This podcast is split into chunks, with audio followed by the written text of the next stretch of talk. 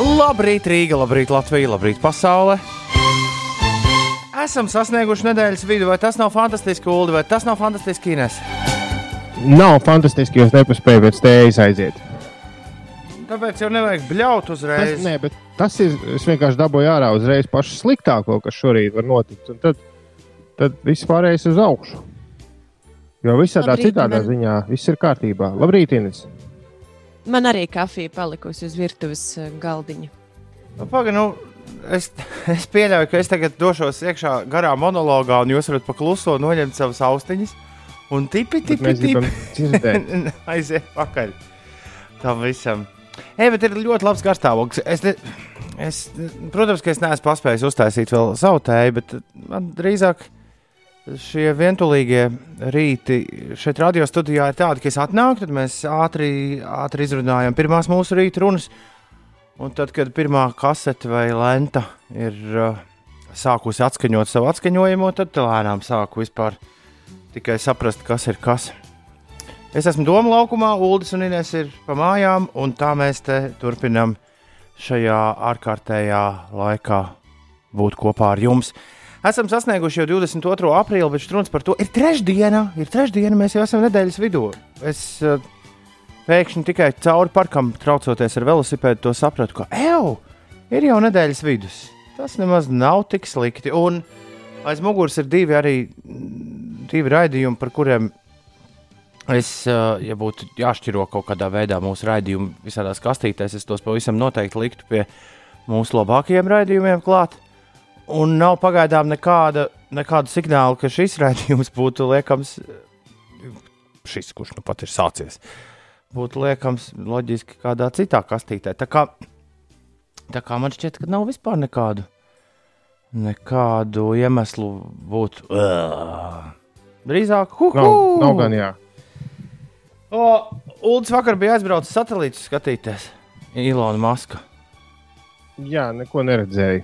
Kāds mums Es pat- rakstīja vakar par, par to, ka bija redzējis viņus aizvakar, jā, un laikam tas bija tas, kas tev sabēra sāli uz vātīm, un tu teici, "Ē, es arī gribu redzēt tos satelītus. Nē, es izlasīju Twitterī Stārspace portāla kontā interesantu ziņu, ka tev ir jāpierakstās vienā tādā mājaslapā, kur es tikko aizvēru, līdz ar to nevaru pateikt, kā to sauc. Un uh, tev pateiks precīzi tavai atrašanās vietai, cikos tie lidos pāri. Sacīts darīts. Interesantākais tas, ka tur varēja pieteikties. Atcerieties, mēs stāstījām par tādu servisu, mani trīs vārdi. jā, jā. Jā, Tu varēji atceros. ierakstīt tajā, lap, jā, tu varēji ierakstīt tajā lapā tos savus trīs vārdus. Jo uh, kāds ir visu pasauli sadalījis mazos kvadrātiņos, un katram ir piešķirti unikāli trīs vārdi. Nu, tu vari tos vārdus pateikt, un būs uzreiz skaidrs, kur tu esi. Ievadīju savus trīs vārdus, man pateica, iedeva grafiku, cikos man tur viss lidos pāri. Un, jā, diemžēl, nu, Viņi lido reizes diennaktī. Ne, nu, viņi tur tā iet uz rīņķi, es sapratu, ka tas viss ir tāds ļoti pagaidu, pagaidu situācija, jo viņi jau nelidos tādās strīpās. Tas Jā, ir tikai šobrīd, jā, jā. ka, kamēr viņi ir izlaisti tikko no raķetes. Visticamāk, šo- viņi regulāri ies garām. Nu, jā, jā, bet nu, tagad uh, šis ir, viņi ir tik zemu un tik tādā līnijā, viņi vairs nebūs. Aha. Tas ir tikai tagad. Uh, Ilo, to- Ilons Masks nesēž, nesēž rokas klēpī salicis un negrābstās tikai ap savu graimas. Viņš laiž satelītus gaisā. Un viņa Spacelink, tā sauc šo projektu. Jā, vai Spacelink, Spacelink, jā. Spacelink projekts lēnām sāk uzņemt apgriezienus. Kad mēs iepriekšējā reizē runājām Starlink, nē, Starlink, Starlink. Starlink. Ļoti atvainojos. Uh, visiem tiem, kas nav izsakojuši līdzi, par ko mēs te runājam, Ilons Masks, uh, futūrists, uzņēmējs, uh, vienmēr sakot, viens no lielākajiem vizionāriem 21. gadsimtā, kāds šobrīd ir, ir nolēmis nogalināt visas pasaules telekomunikāciju kompānijas, nu, vai vismaz sākt ceļu uz to, un palaist kosmosā neskaitāmus satelītus, panākot to, kas līdz šim nav ticis panākts un nav ticis nodrošināts. Proti, viņa sapnis ir tas, ka jebkurā zemeslodes punktā būs pieejams internets ar vienādu garantētu ātrumu. Pēdējo reizi, kad mēs par šo plāpājām, tad es nu, stabili atceros, ka tā cena, ko kāds bija rēķinājis par šī Starlink izmantošanu, bija nu, kaut kas ap 30 dolāriem, bet tas ir uzaudzis. šī cena ir uzaugusi. Par to mēs vakar redzējām, beigās tas, ka nav- sastrīdējāmies. Nav vispār zināma, kāda ir cena, bet uh, viņš pats ir pateicis, ka, ka tas zemākais varētu būt kaut kādi 80 dolāri. Aha. Nu, kaut kādā sarunā vienkārši izmetis, ka, ka par tādu ciparu tas būtu vērts abonēt. Un tad vēl nāk klāt apmēram kaut kādi 100 līdz 300 dolāri laikam par uzstādīšanu. Jo tev būs vajadzīgs tāds nu, satelīts šķīvītis. Tas nebūs telefonā. Ah, tu to nemaz nevarēsi tā baigi līdzņemt. Nu, tev būs tas šķīvis nebūs liels, cik es sapratu. Bet, bet nu, jā, tev būs vajadzīgs kaut kāds nu, pusmetru apmēram tāds aparāts. Ah. Nē, nē, es jau visu laiku domāju par to, kā mēs raidīsim no Amazonas džungļiem. Tajā brīdī, kad šis būs, kad šis būs pieejams. Bet tas nozīmē, ka mēs ar tādu dabūsim vazāties līdzi. Ja? Varēs tā uz muguras nest. Jā. uz ma... Ja mēs to darīsim visi trīs, ir, tad uz maiņām. Jā. Kolumbūras lidostā tā šķīvi. Toms ņem nos no savas muguras un pārņem uldis. tā. Kurš vēl nav šķīvi nesis uz muguras? Ines, tagad tava kārta. Sastādīsim grafiku, jā, jā. cik stundas katram. Tieši tā. kārtībā. Nu, lūk, un šie satelīti, pirmie, kas ir laisti gaisā, viņi te lēnām sāk dreifēt mums garām. Jā, un dažs labs viņus ir redzējis. Man šķiet, ka es redzēju pirms pāris nedēļām, ja tā virtene, ko es redzēju, ja tie bija tie. Nē, viņi, viņi bija redzami. Jā, un viņi, es sapratu, nu, vakardienas problēma bija tā, ka viņiem bija divi, tas laikam divas virtienes mums brauc garām, un es nesagaidīju otro, kas ir pusnaktī. Ah, No pusnakts līdz vieniem bija otrs lid- pārlidojums. es tieši gribēju teikt, ka jā, šitie ir jāskatās kaut kādā mm, super tumšajā laikā.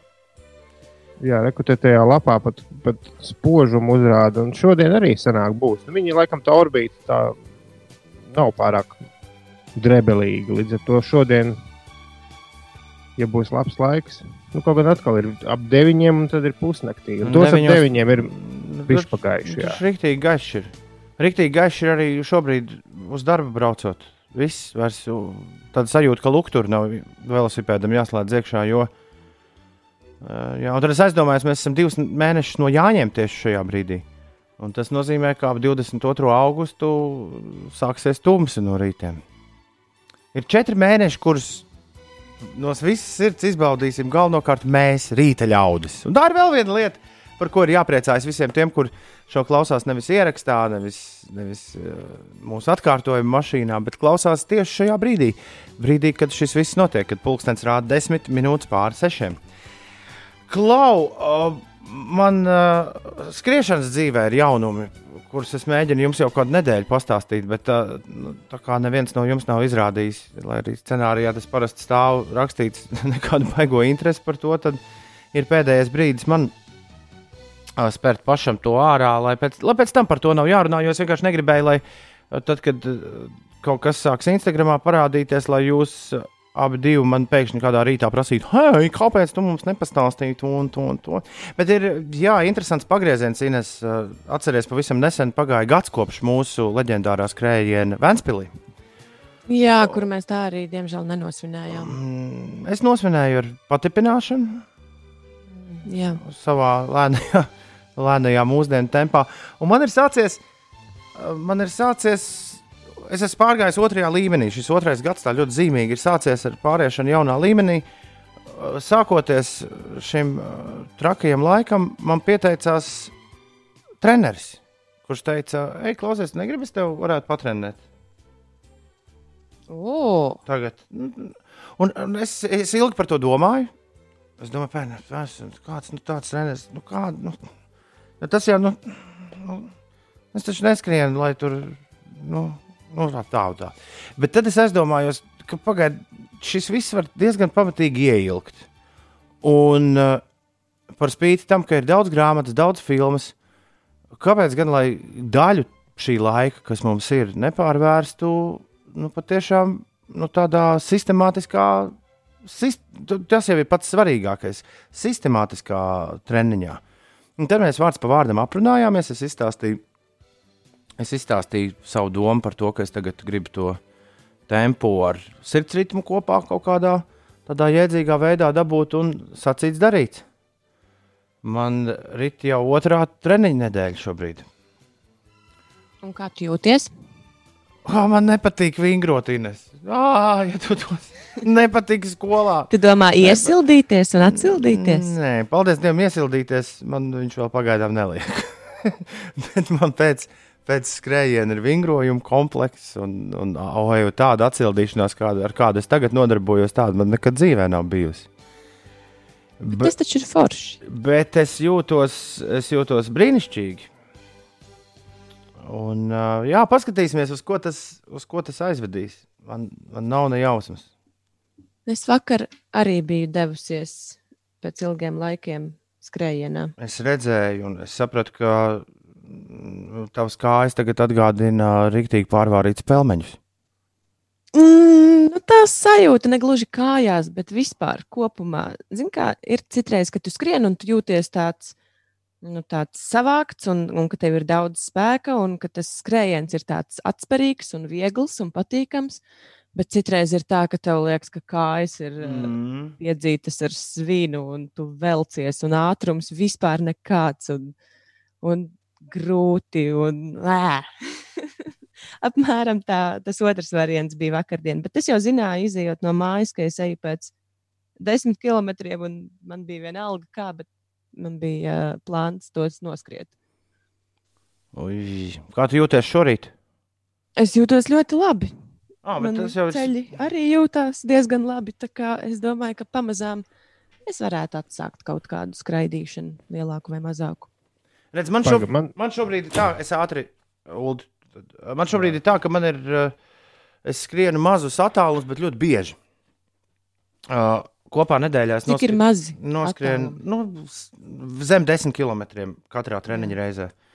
Uh, kopā man nedēļā sanāk ap 40 km. Man interesē tādā salīdzinājumā, Uldī, cik tu nostaigā nedēļā?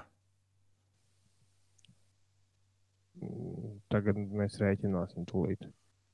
Ah, nu, tu, tev nav kaut kāda dienas norma? Nu, dienas norma ir nu, sanāk ap desmit. Man te telefons kaut ko tagad mēģina darīt. Jo beigās Ines tieši... izrādīsies, ka Ulas no mums ir visaktīvākais. Uz, uz to tas vēl. Vairāk, vairāk par 40 ir noteikti. Tā, nu, nu paņemsim tagad pēdējo nedēļu. Vakar 9, aizvakar 10, tad 10, tad 13, tad 10, tad 10. No, 10 tendence ir skaidra. Tendence ir skaidra. Ko tu gribēji teikt, Ulu? Es, jā, es tieši to gribēju jautāt, kā notiek tie treniņi, ko tev liek darīt, un kā jūs to darāt attālināti. Lielos vilcienos tas baigi neatšķiras no. Īsti tas neatšķiras no tā, kā es pakluso jums neko nestāstu, trenējos Frankfurtē ar, uh, un Tallinā ar Endo Mondo palīdzību. Tad, proti, ar robota treniņu plānu.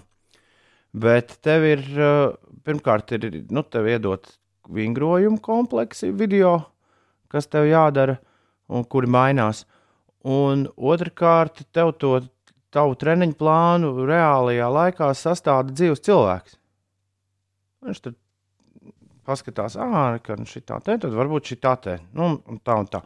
Un pats svarīgākais, tev ir kāds, ar ko pačetot visu laiku. Aha, bet tas ir tas, ko es gribēju jautāt. Tātad šos vingrojumus tev nav, tev nav video chats vai kaut kas tāds. Nē. Tev ir viss.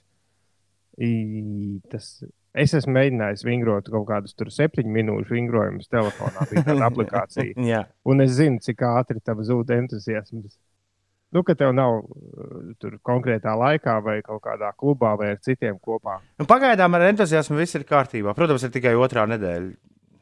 Bet uh, man liekas, ka vajadzētu vismaz vienu tādu video zvanu, lai treneris apskatās, vai tu visus vingrinājumus pildi pareizi. Mēs grasāmies satikties eh, ar divu metru distanci kaut kad. Arī dzēnu. Vajadzētu. Viņš man varētu kaut kur brīvā dabā, kāpēc ne? Mm. Tā kā, tā kā tā doma ir. nu, lūk, bet tā kā nav nekādu paredzamā nākotnē, nav nekāda, nekāda masu skriešanas pasākumu vispār saskatāmi. Tad, jā, man ir nekāda cita mērķa, kā vienkārši norm, sirdī nedauzoties pārāk traki, spēt skriet ātri un, un lielus attālumus. Tas, tad, laikam, ir vienīgais mērķis, uz ko es eju. Bet tas jau nav sliktāks mērķis. Man liekas, ka vakardienas skrienot, es arī domāju, ka jā, nav kultūras pasākumi, nav koncerti un kas tik tur vēl nav. Bet šis ir ideāls laiks, eh, lai mēs varētu iet ārā, skriet, trenēties parkos, vienalga kur un iznākt no šīs eh, krīzes eh, stiprāki. Mm. Fiziski stiprāki. Jā. Nu, padomā, varbūt kādam vēl šī tā lēnām fiziskojoties, kāds, kāds sapratīs, ka eh, priekš, kā mēs tur ar visiem tiem cilvēkiem kopā skrējam. Šitā... Vai arī priekš, kā mēs tur staigājam vakaros pa tiem nakts lokāliem. Nakts lokāliem jā. Man liekas, ka tās varētu būt tādas vērtīgās atziņas, jā, ko var šobrīd gūt. Un tad Uldis, Uldis varētu minēt vārdā par to. Interesanti, cik ātri cilvēks atgrieztos atpakaļ tieši tur, tieši turpat, kur bija. Jā, droši vien. Es, es, šo, es šobrīd rēķinu jau tiem div, pa tiem kilometriem. Tas ir tas kopējais dienā nostaigātais, bet es tagad rēķinu tos nu, tādas konkrētās pastaigas, tā, kad tu sāc un bez apstāšanās. Vienā reizē, beig. jā.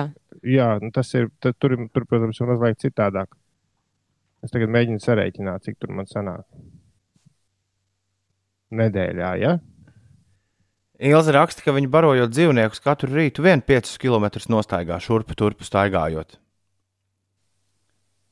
Tā kā par kilometriem var pastrīdēties. 43, 43. Ka, kurš tev uzrunā par kņopienu, Ines? Es nezinu. Tev ir tāda iesauka no jaunības, kņopiena. Nē. Kāpēc? No jaunības? Nu, es nezinu, kāda tev vēl ir jauna. Es jūtos gan jauna, bet uh, nē. No skolas gadiem tā. tā es drīzāk gribēju teikt. Nē, ne, kāds raksta, labs, labrīt, draugi, vai kņopieni jau ir tikusi pie sava auto? Tas taču ir no filmas. Tas ir no filmas, jā. No kuras? No. Uh, Tur, kur auto no, dāmai. Ah, dāvana vientuļai sievietei. Jā. jā. Būs jāpārskatās. Jā, jā. Kņopieni. Nē, kņopiena vēl nav tikusi pie sava auto. Kņopienas auto mēs varbūt aprunāsim nedaudz vēlāk. Viņas tā. auto scenārijs joprojām ir atvērts un turpinās. Tā, Uldi. Pagājušajā nedēļā es esmu tādos nepārtrauktos ar, ar ieslēgtu treniņu, nu, pastaigas režīmu pulksteni gājienos nogājis 55 km. Ir forši. Jā. Nav slikti. Bet toties Ines no mums ir visvairāk uz augšu uzkāpus. es arī esmu kilogramu klāt dabūjis beidzot. Ah, yes! Pa šiem, jā, pirmais What? ir. Jej! Wow! Ir man jau sen. Prāta vētra un ogles svinēt, rīktīgi priecīgi, ka esam savu muzikālo dienu sākuši ar šo dziesmu. Labrīt, Vinetā! Un Bio Kristaps ir uh, jā, pārsteigts, ka es, es kā kultūras cilvēks par kņopienu neko nezinu. Kristaps, pasties, cik Zin, ir pulkstenis. Tie uzvārdi, kur tu, tu, tu viss var atcerēties. Tas ir pasties pulkstenis, Kristaps. Smadzenēji tā vajag kaut kādu kaut kādu iegriezienu, skābekli un, zinām, tējas daudzumu, lai vispār, lai vispār sāktu darboties. Kāds vēl ir nomodā bez Vinetas, Bio, Kristapa un Ilzes? Ja jā, tad padodiet ziņu 293, 202, Agris droši vien ir pie stūres šajā brīdī. Siguldas Edgaram gan jau ka miegs nenāk. Gunčs varbūt Pāvilos tā ir modies. Kurš vēl ir nomodā? 293, 202. Sākam trešdienu skaļi. Šie ir System of a Down. Labrīt! Ar System of a Down. Ar System of a Down. Dawn. System of a Down var pamodināt smadzenes labāk par tējas un kafijas sajaukumu. Tā raksta Toms. Arī Signai šis bija tieši tas, kas bija vajadzīgs. Ulģa arī raksta, paldies par System of a Dawn. Pēc nakts mājas labi sapurināja. Ivčiks, Ivčikam nāk miegs, bet uz darbu tāpat ir jābrauc. Labrīt, Ārni, labrīt, Pīrāgi Jāni. Visi lēnām no savām kūniņām kūņojas ārā. Kristīna arī jau ir pie stūres. Eģi jau pusotru stundu laukā zina, nā, jau pa pavilostu gunču dejo. Mārtiņš raksta, neaizmirst par mani, jo projām bez izmaiņām es katru rītu esmu ar jums. Bez jums rīts nav iedomājams, lai jauka diena visiem. Arī Andris Daugopilī ir modies, kā parasti rulējam uz darbiņu, jauku un saulainu dienu visiem. Siguldas Edgars ziņo, ka Siguldā šorīt jauks rīts, gatavojamies lieliem darbiem, un vakarpusē noteikti būs jāpasporto. Vinēt raksta, labrīt, pieci rīti, jau kuru dienu klausos, ka man ir vārdu māsa. Un man nemaz nepatīk dziesmu ogles.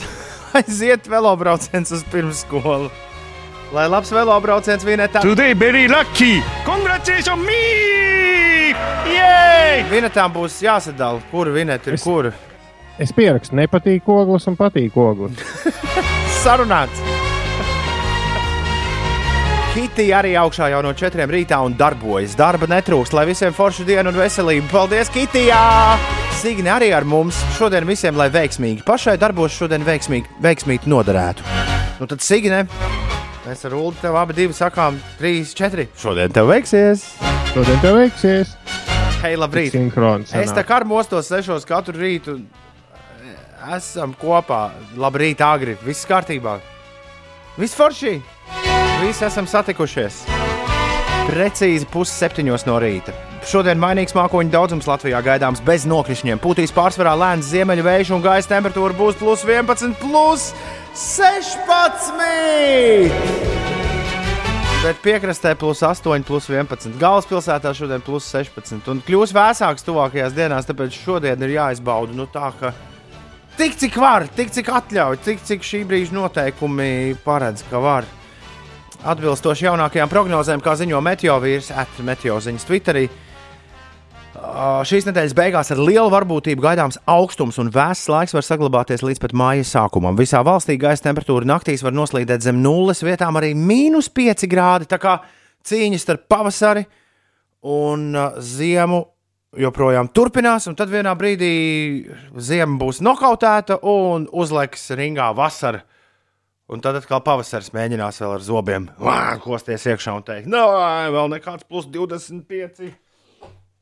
Bet mēs labi zinām, ar ko šis boxe mačs beigsies. Mēs visi to ļoti labi zinām no galvas. Teorētiski vajadzētu būt, ka ļaudis radio klausās šajos laikos daudz vairāk nekā iepriekš. Vismaz to mēs esam dzirdējuši no mūsu rietumu kolēģiem, kuriem ā, tiek veikti radio pētījumi daudz. ā, Daudz aktīvāk nekā tas notiek šeit. Latvijā mēs uzzinām ā, datus par to, kā jūs klausāties radio reizi trijos mēnešos. Tas nozīmē, ka kaut ko apmēram par šo laiku mēs labi, jā, kā tur bija jūnijā, sapratīsim. Man šķiet, Es ne- nezinu. bija martā, tad aprīlis, maijs, jūnijas. Jā. Jūnijā. Bet, eh, jebkurā gadījumā, lai arī, lai arī mēs zinām, ka daudz arī mūsu paziņas un draugi vairs nedzird to, ko mēs no rīta darām, kaut vai tā iemesla dēļ, ka viņiem nav kur doties ar automašīnu. Viņiem nevajag uh, no rīta kāpt iekšā mašīnā un kaut kur braukt. Man ne mirkli nav bijusi sajūta, ka mēs šeit esam vieni paši. Un Tur otrā galā kāds nav. Ko nevarētu teikt par mūsu šī raidījuma pirmsākumiem, kas bija, kas bija mūsu pirmajos gados, tad, kad mēs šo tikai sākām darīt ap 13, 14, iespējams, ka pat vēl 15 gadu. Šobrīd ir sajūta, ka jūsu tur ir daudz, un kas ir vēl priecīgāk, priecīgāks fakts. Jūs, jūs paliek vairāk, vismaz runājot par tiem, kas ar mums katru dienu komunicē, rakstot īsiņas uz 293, 202, mums pirmo reizi mūžā ir atrakstījis Bauskas Lācis. Labrīt, jānovēl visiem foršu un izdevušos dienu. Vēl tik trīs dienas jānolauž. Pirmo reizi es jums rakstu piecīšu, bet klausos jau kādu laiku. Uzlabojas rīti, braucot uz darbu kopā ar jums. Tā mums pirmo reizi raksta Bauskas Lācis. Bauskas Lācis, paldies, ka pieteicies! Vispār tie zemgalieši, man liekas, mums ir diezgan daudz. Nu, tā mums ir iet, iecaunieki, ir baušķinieki. Man prieks par to. Tas tāpēc, ka tu tur staigā pa tiem rajoniem, droši vien ar, ar plakātu vai, vai tēkļu, vai vienkārši. Tas tieši tā. Nē, nestaigāju. Ja Es val- Bauskā esmu ļoti, ļoti reti. Ja, ja Valdis Melders vai Baibas Ipenietis raidītu no to- tā gala, tad viņas arī klausītos ļoti daudz tur. Droši vien ne uz ciemu laukumu un tad stāsti visiem. ka- Jā, jā bet tā- šis ir, šis ir tas ulu, kā mēs kādu dienu jau uzvarēsim. Mēs paņemsim visu ar Ineses geogrāfijas pieeju, mēs paņemsim vienkārši lēnām pa reģioniem. Visu. Jā, vajag iet pie cilvēkiem. Tā, jā. Arī Armāns savā vārdu dienā dodas uz darbu, bet rīktīgi negribas. Vispār vajadzētu vārda un dzimšanas dienas oficiālas brīvdienas dot. Šis būtu jauki. Man arī tas patiktu. Šis būtu jau par vārdu dienu, nezinu, nu, jo vārdu var nomainīt. Tad tur var sākt visādas muļķības darīt. Bet, Atkal ieslēdzās tas eh, Toma šmaukšanās. la, la, la, la, la, la, la, Katru gadu mainīt vārdu. la, la, la. Neko nezinu. Tad, man liekas, tas, cik tas izmaksā. Vadeks, arī- arī brīvdiena? Vadeks mūs klausās. Jo tas ir veids, kā labi uzsākt dienu, brokastot, uzzināt, kas jauns Ineses Instagram kontā, jo es kāpēc man nobloķējusi īpašniece. Inesīt, lūdzu, piedod, es neko nedarīšu. Nu, Tā Nekaitini. ir. Tā jādzīvo. Jā, nevajag kaitināt. Nekaitini Ines Vadeks.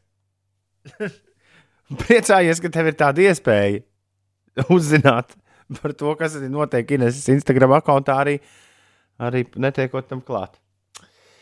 Uh, kosmonauts raksta, labrīt, esmu nomodā un braucu. Kas ir? Es ko cik par ir vār, valsts nodeva par vārdu maiņu. Nu, nu. 71 eiro.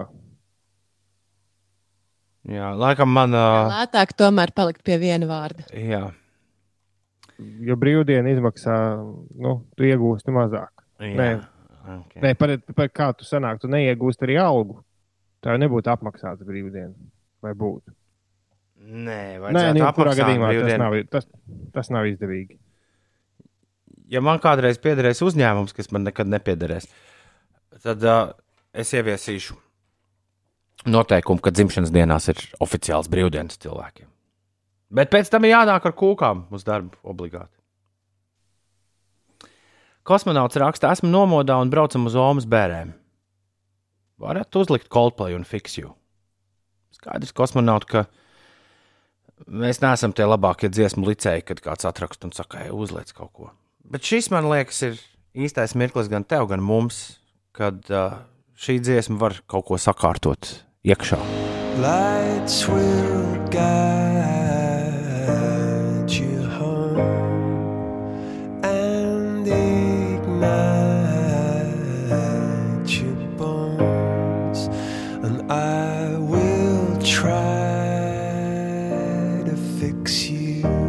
Liela dziesma.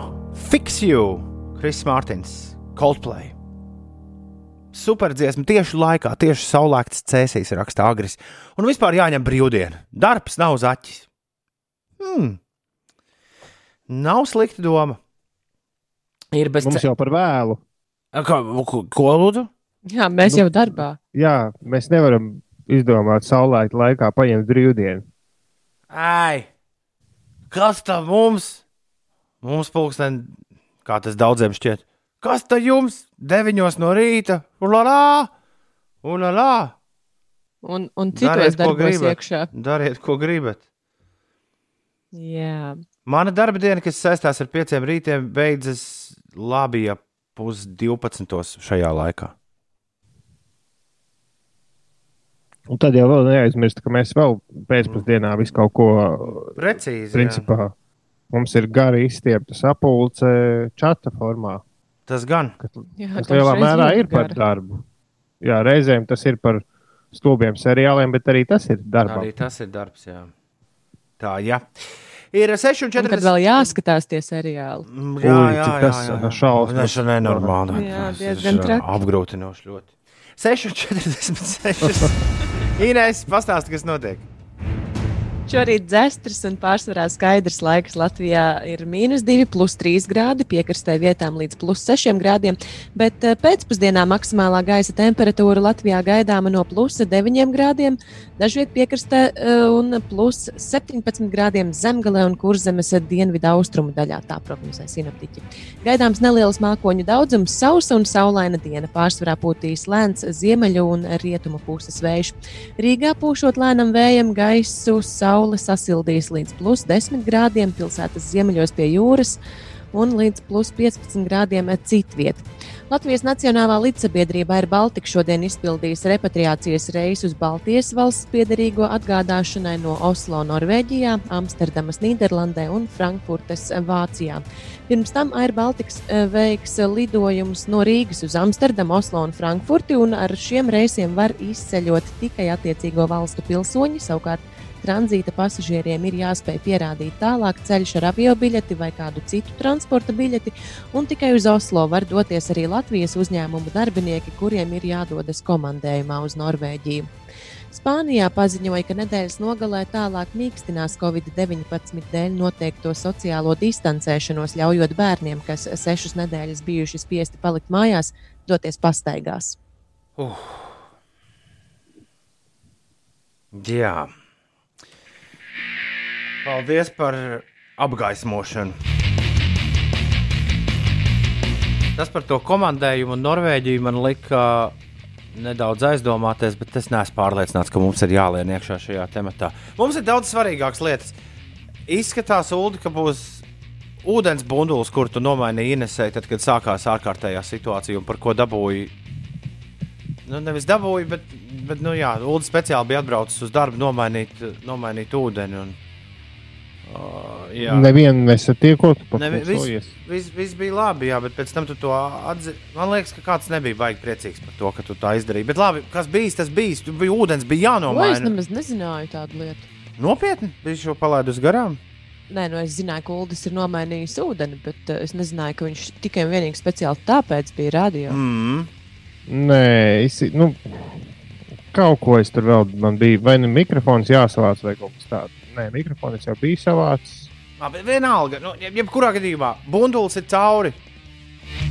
Ulu tagad atkal jābrauc. Nu, es, Tiešām nevar būt, ka viņš mēnesis. Ah, kaut gan var būt. mēs ar Magnus divu tā viņu dzeram. Tagad lielais jautājums. Vai tu man uzticēsi misiju, ūdens bunduļu maiņa, vai arī, vai arī pats brauks uz radio? Bet tu esi kādreiz mainījis, taču vai ne? Protams, nu, pagaidām. Nu, tad Tu jau tiešām viss domā, ka es nevaru bunduli nomainīt. Es vienīgi nezinu, kur viņi atrodas, kur man jāiet viņu meklēt. Tajās mazajās spoku durtiņās, blakus Rūķu Latvijas Rādio 2. durtiņās. Ah! Tur, tur, tur tie fonotēkas rūtīši dzīvo arī. Vai tas būtu labi, ja es periskopā translētu ulu piecu rītu kontā? Twitterī. Eju meklēt ūdeni.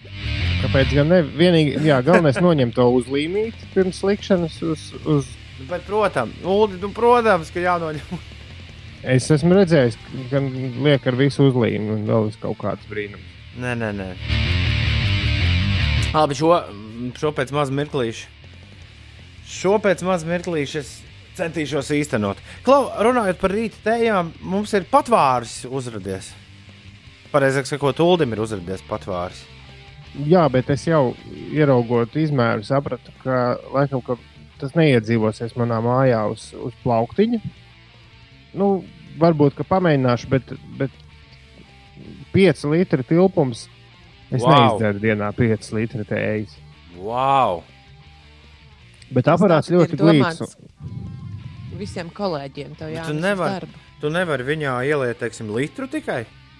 Nē, nu, var, var, jā, var, bet viņš ir līdz ar to viņš ir tāds, nu, paliek. Viņš ir tāds nopietns dizaina elements.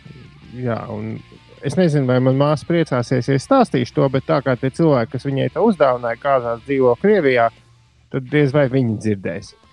Un, zināmā kā, dāvanu ārā mēs nevaram. Bet, nu, kaut kā nav smuki, bet, bet tajā pašā laikā kaut kā li virtuvē likt lietot arī īstenībā nav iegājies. Līdz ar to viņi dzirdot, ka mēs runājam par patvēru vajadzību, ļoti labprāt pieteicās man to atdāvināt. Bet tu viņu tā kā Mākot. neņem. Nē, es, es viņu ņemu, bet es, viņš jau bija pie manis. Ah, ok. Bet es vienkārši paskatījos un sapratu, ka laikam jau ka tas būs vairāk. Tomēr tas varētu tik jauki stāvēt mūsu darba blakus telpā un visu laiku uzturēt siltu tēju. Un, nu, Uh. Nu, kaut ko mēs izdomāsim. Jā, reiz, reiz mēs par to runājām.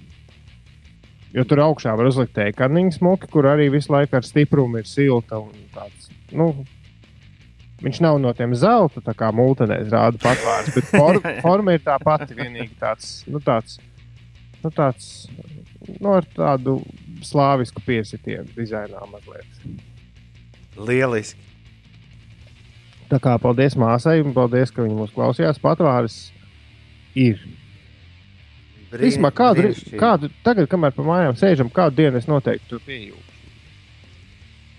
Man liekas, tur tev ļoti labs Instagram stāstu. Instagram stāsts. Jā, jā, jā. Instagram, Instagram stāstu virkne tev sanāks ar šo.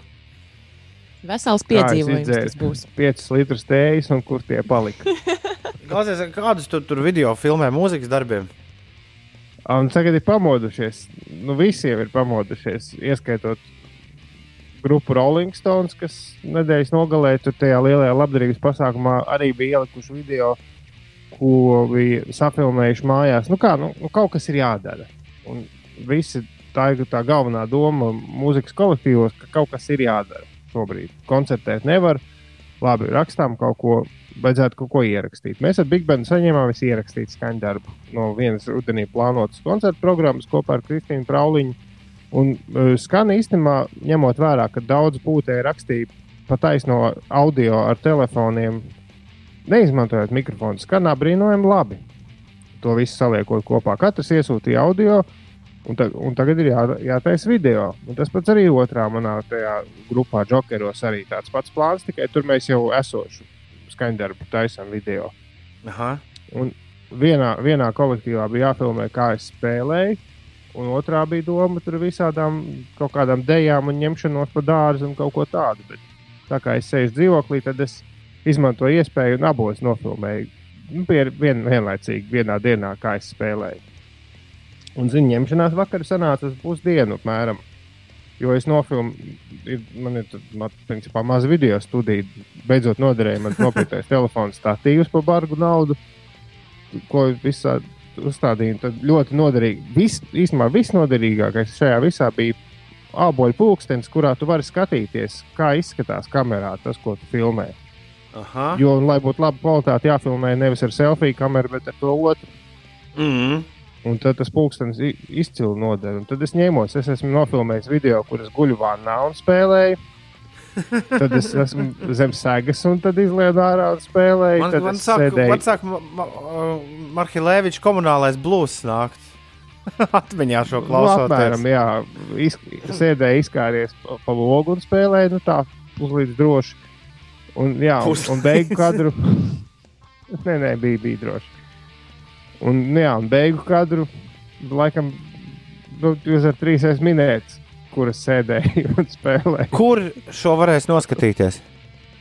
Tad, kad būs, tad noteikti, ka es kaut kur, kaut kur es, pa, es padošu jums ziņu. Sarunāts! Nu, Big, Band, Big Bandam būs mājaslapā, un otrs būs kaut kur manos Facebookos arī. vai kur. Sarunāts! Turēsim tevi pie vārda. Jā, bet zini, kāda bija galvenā atziņa? No. Īstenībā es, es jutos ļoti ārkārtīgi forši pavadījis vakardienu, jo tas bija kaut kas pilnīgi svaigs. Un tāds, ko šajās sešās nedēļās neko, nekas tāds nebija darīts. Nu, tur kaut ko filmēt, un trombons, un ņemties un domāt. Ļoti iesaku padomāt arī jums, dārgie klausītāji, ko jūs varat izdarīt kaut ko tādu, kas it kā liekas, ah, nu, priekš kam tur ņemties. Bet tu sāc darīt un saproti, ka īstenībā tik forši kaut ko darīt citu nekā visu laiku ikdienā. Mm. Bez piecām minūtēm septiņi. Pa, pa, pa. Kāds gailens? Varbūt jāuztais mērcē. Pīrāgi Jānim apetīti bišķiņi sabojājām. Pīrāgi Jāni, tad, kad mēs. Mums bija tāds etaps, ka mēs dziedājām pazīstamām dziesmām virsū savu tekstu. Tad eh, Dona pāriet bailes. Mums bija pārvērties par to, ka vāriet gailenes, vāriet gailenes. Tāpēc vienmēr, kad es izdzirdu pārējais bailes, es vienmēr iedomājos par gailenēm, tas ir nekas cits kā vienkārši bērnības trauma. Es domāju, ka šādi mēs to varam nosaukt. Labrīt, trešdienā, 22. aprīlis. Maijas tuvojas, kārtīgs pavasars, pilnbriedā tuvojas. Šodien plus 16 būs baigi patīkami, pēc tam kļūšot vēsāks. Un pēc tam atkal būs siltāks, tad būs atkal vēsāks, tad atkal siltāks. Tā vienmēr. Tā tas šajā pasaulē ir iekārtots. Un, uh, jā, lai arī klimatā šis tas mainās, pēc šāda scenārija arī turpinām dzīvot 2020. gada pavasarī. Šeit 5 rīti Latvijas radio 5,5 LV. Mēs būsim apakaļ jau pavisam, pavisam drīz. Paliec ar mums! Uldis vakar bija būvniecības veikalā. Jā, nekas tāds, ar ko būtu jālepojas, bet es tur pērku kaķu smiltiņus un joprojām neesmu saņēmies. Bet kāpēc tieši tur tu pērci? Tur ir lētāka cena, tur ir vairāk ritīgi lētāk, jā. Ah, ok. It īpaši, ja pērku vairāk par četrām. Mhm. Un, bet eh, vakar es sapratu, ka, nu, nav, nu, ka tas ir šajos apstākļos tiešām ir stulbi. Doties uz turieni reizes divās nedēļās, kā es darīju līdz šim, ja es varu nopirkt divreiz vairāk un mēnesi vairs nekur ne, nebraukt. Jo tas apjoms jau ir zināms, cik man daudz vajag. Bet Mhm. vakardien vajadzēja, un es domāju, pēcpusdienā tāds labs laiks, ka darba diena tur nebūs pārāk daudz cilvēku. Nu, it kā nebija arī. Mašīnas bija vairāk nekā likās pēc cilvēkiem, ka būs. Bet es zinu, ka par būvniecības veikaliem ir bijis diezgan liela Nu, ņemšanās. cepiens ir, cepiens ir. Jā, ka tur ir so pilns ar cilvēkiem un tā, un rindas un viss. Un es biju ļoti pārsteigts. Ir, tur ir ieviesti diezgan nopietni pasākumi. Bija katrs ieejis, stāv vīrs aizsargu maskā ar visiem tur tiem smidzināmajiem līdzekļiem un visu laiku dezinficēja ratiņiem rokturus. Un nevienu vispār principā nelaiž iekšā veikalā, ja tu nepaņem lielos ratus. Okay. Par ko pat, pat es biju bijis. Tas ir domāts, lai i- kaut kādu distanci ar tiem ratiem ievērot. Bet patiesībā doma nav slikta. Nu, tieši tā, tu nevari rindā stāvēt plecu pie pleca, ja tev pa vidu ir rati. kā? It Kā, jā, bet kā- es, es neatceros, es ar kādu brīvdienās eh, runāju, kas man tieši par šo lietu teica, ka esot cilvēks bijis pavisam neapmierināts, ka viņam ir kaut kam jāpieskarās. Negribot. Nu, jā, nē, nu, par to es, es arī teicu, ka man rekur ir speciāli paņemt līdzi maisiņu, jo es, es, es teiksim, ja man jādodas uz veikalu, es groziņu neizmantoju. Es uzreiz pat tajos veikalos, kur preces ir pēc tam tur jāliek kasē, nu, cik nu tur sanāca būt, es, es lieku savā maisiņā, lai nav jāņem groziņš un lai viss ir tur tā mazā kontakta. Bet viņš saka, nē, nē, nē noteikti visiem jāņem ir tagad rati. Un un īstenībā, jā, tā, tādā ziņā tas darbojas, jo nekāda stumdīšanās plecs pie pleca pie kasēm tur līdz ar to nebija. Visi ar kaut kādu zināmu neapmierinātību, bet tomēr to ievēroja. Zinām, neapmierinātīgi. Tas, ko es nepaskatījos, man šķiet, ka tur nebija vēl nekāda ierobežojuma. Ah, bet īstenībā tas arī ierobežo skaitu, cik cilvēki ir veikalā. Jo ratiņi bija nu, izdalīti tev katram. Ratiem bija noņemts tas monētiņš, tie aparātiņi nost. Ra, līdz ar to rati pa brīvu. nav saka. Kāds raksta, ka tas ir, lai zinātu cilvēku skaitu, kas ir veikalā iekšā. Īstenībā, jā, ļoti loģiski. Un, un, un, uh, ja tev ir izdalīts, nu, ja tev rati ir beigušies, tad jāstāv jāgaida rindā. Tā, tādā ziņā tas, tas tieši un, jā, un tā distance īstenībā arī tas ar distances ievērošanu strādāja. Rekur mums kāds klausītājs no Eindhovenas, Nīderlandē, raksta, ka uh, arī veikalos tur ieeja tikai ar ratiņiem. Pat ja iet divi tā, abiem jāņem ratiņi. Distancei un skaitam. Nu, man šķiet loģiski, lai arī pašam pirmā reakcija bija, bet, nu, jā, bet man taču ir reku viss droši savs maisiņš. Nolikt tev pie vietas visai ātri. Jā, jā, jā. kungs ar masku un ar to Ļoti šiku- labi. šiku līdzekli. Ļoti Tā kā labi. vismaz, ka, vismaz tas, ka tu raksta, ka tur viss stundās plecs pie pleca, tas vairs nav. Okay. Labrīt, trešdienā! Labrīt! Cēlies augšā! Mūžas Rīga Latvijā! Vēlam jums varenu dienu! Un es ļoti ceru, ka katra diena ir varena diena, kur jūs pavadāt kopā ar mums. drīzāk, kur jūs iesākat kopā ar mums. Ar pieciem rītiem Toms Grēviņš, Ulris Ziediņš, Inese Puķekā. Visi savās vietās. Vut, vut, Labrīt, Armandam un Armandai. Viņiem abiem diviem šodien ir vārdu svētki. Ievai akurāturei dziedātājai daudz laimes dzimšanas dienā. Dzintaru koncerta zāles direktoram Gunteram Čirsim sūtam sveicienus. Daudz laimes dzimšanas dienā violniekam Sandim Steinbergam. VF kultūras pilsētas tautas deju ansambļa zelta sietiņš mākslinieckā vadītāja Baiba Steina šodien svin dzimšanas dienu. Kakā, Brazīlijas futbolists, Kakā, īstajā vārdā Ricardo Isaksons Dušs Leite svin dzimšanas dienu. Džekam Nikolsonam, amerikāņu aktierim un producentam ir dzimšanas diena. Polam Karakam ir dzimšanas diena. Ko viņš dziedāja? How long is this been going on? Bet vispār man liekas, viņš ir spēlējis vienā no. Viņš Ja. bija kaut kādā grupas pašreklāmā vienā radiostacijā Latvijā. Es atceros, ka How viņš, nu? Viņš bija Mike and the Mechanics jā, jā, tā. sastāvā. Un viņš ir spēlējis ar, visādi, ar visādiem mūziķiem kopā, gan kā sesiju mūziķis ierakstos, gan arī, gan arī uz skatuves. Bet viņa populārākais solo hits ir How long is this been going on? Es varbūt sameklēšu, varbūt nē. Pavisam drīz. Viena no radio trio dziedātāja Gabriela Zvaigznīte šodien svin dzimšanas dienu. Daudz laimes, Gabriela!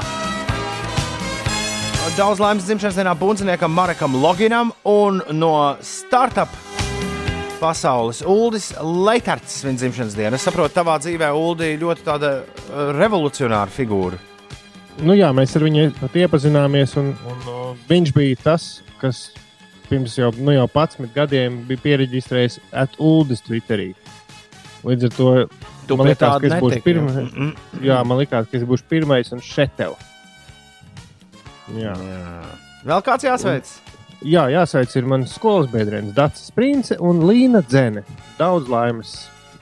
Daudz laimes dzimšanas dienā, dāmas. Well, you're friends with the fancy. Kurš piesauc Polu Karaku?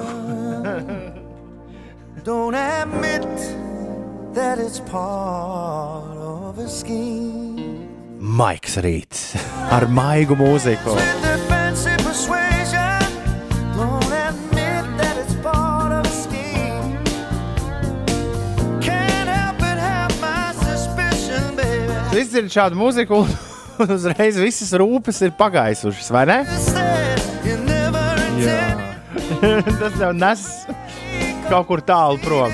Šodien šim vīram ir dzimšanas diena, Paulam Karakam.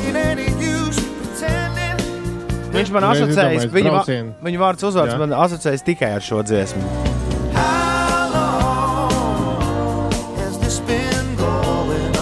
Ko tu iedomājies? Es iedomājos braucienu ar auto pa garlēcu šosei. Man atkal tāda ļoti laba palmām rotāta, rotāta pludmales šosei nāk prātā šo klausoties. Kas no kuram? Ines, kas tev nāk prātā šo dzirdot? Es laikam vairāk piesliek, pieslietos uh, tavam, tavai iztēlei. ka Tā ir kaut kāda piepludmales šoseja. Varbūt iedomājies, kā tur kāds darbina mašīnu. Vut, vut. Labi, pieliec tas dīzels. Tā Vut, vut, brrr. Izpūtējis. tā ir. Tā ir. Vai izpūtējis to? Pagaidām, vai ko? ko, ko? Vai, vai izpūtējis? Kā tas tur īsti ir? Kam tā jāskan? Kurš, kurš, kurš? Kurš, kurš, kurš? Pagaidām, man pogas sagāja ķīselī. Kristīna raksta, ka cukurs no 5 rīta birst ārā. Nu, bet dažreiz vajag. Sound poets. Pirms tam jaunais karantīnas gabals no 21 pilots un Mārcis raksta, es jau tagad zinu, ka šī būs mana klausītākā dziesma Spotify 2020. gadā. Tie 21 pilots. Mm. Nu, ir tāds gabaliņš, jā.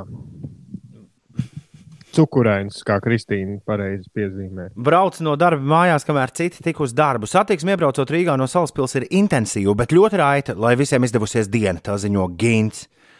Labrīt, Gint! Un Biokristapam šķiet, ka viņš nekad mūs nav sagaidījis jau 6 no rīta ēterā, ja vien nav bijis pa nakti jāstrādā. 6 celties no rīta ir inkvizīcija. Pie viss pierod, Biokristap. Pie viss pierod. Pat brīžiem 4.30 nešķiet celties kā inkvizīcija. Dažreiz šķiet. Bet uh, šādos jaukos rītos, kad ir tik daudz gaismas, paskatieties, un mākoņi, vismaz Latvijas galvaspilsētā, nekur, nekur nav redzams neviens mākonītis. Šādās dienās man liekas, gribas no gultas lekt ārā un šādi daivi dejot pa īstam momentā. Bet uh, mēs tagad nevaram dejot pie šāda daiva, jo Ines ir jāizstāsta, kas notiek. Ir 7,24. Labrīt, Ines, kas notiek? Covid-19 pandēmijas dēļ daļā Vācijas sabiedriskā transporta pasažieriem obligāti būs jāvalkā sejas maskas. Prasības attieksies arī uz galvaspilsētas Berlīnas iedzīvotājiem un viesiem. Jā, sabiedriskajā transportā nav iespējams nodrošināt vairāku metru distanci starp cilvēkiem, tāpēc visiem vilcienu, autobusu un tramvaju pasažieriem būs jāaizsadz deguns un mute. Rīkojums gan paredz, ka būs atļautas arī improvizētas maskas, sejas aizsekšana ar šāli vai citiem materiāliem. Tikmēr Spānija paziņoja, ka nedēļas nogalē tālāk mīkstinās Covid-19 dēļ noteikto sociālo distancēšanos, ļaujot bērniem, kas sešas nedēļas bijuši spiesti palikt mājās, doties pastaigās. Eh, Bērniem būs atļauts pavadīt eh, pieaugušo, kas dodas uz svarīgu darbu vai izveda pastaigā suni, bet eh, pēc tam paziņoja par šo nosacījumu mīkstināšanu nu, bērniem kā, kā tādiem. Jā. Spānijā 14. martā ieviesa ļoti stingru sociālo distancēšanos, lai ierobežotu jaunā vīrusu izplatību. Došanās pastaigās bez svarīga iemesla tur ir aizliegta. Un eh, vēl pašmājās Latvijas Nacionālā līdzsabiedrība ir Baltika šodien izpildījis repatriācijas reisus Baltijas valsts piedarīgu atgādāšanai no Oslo, Norvēģijā, Amsterdamas, Nīderlandē un Frankfurtas, Vācijā. Ir uh, 7,25. Labrīt! Šis ir pieci.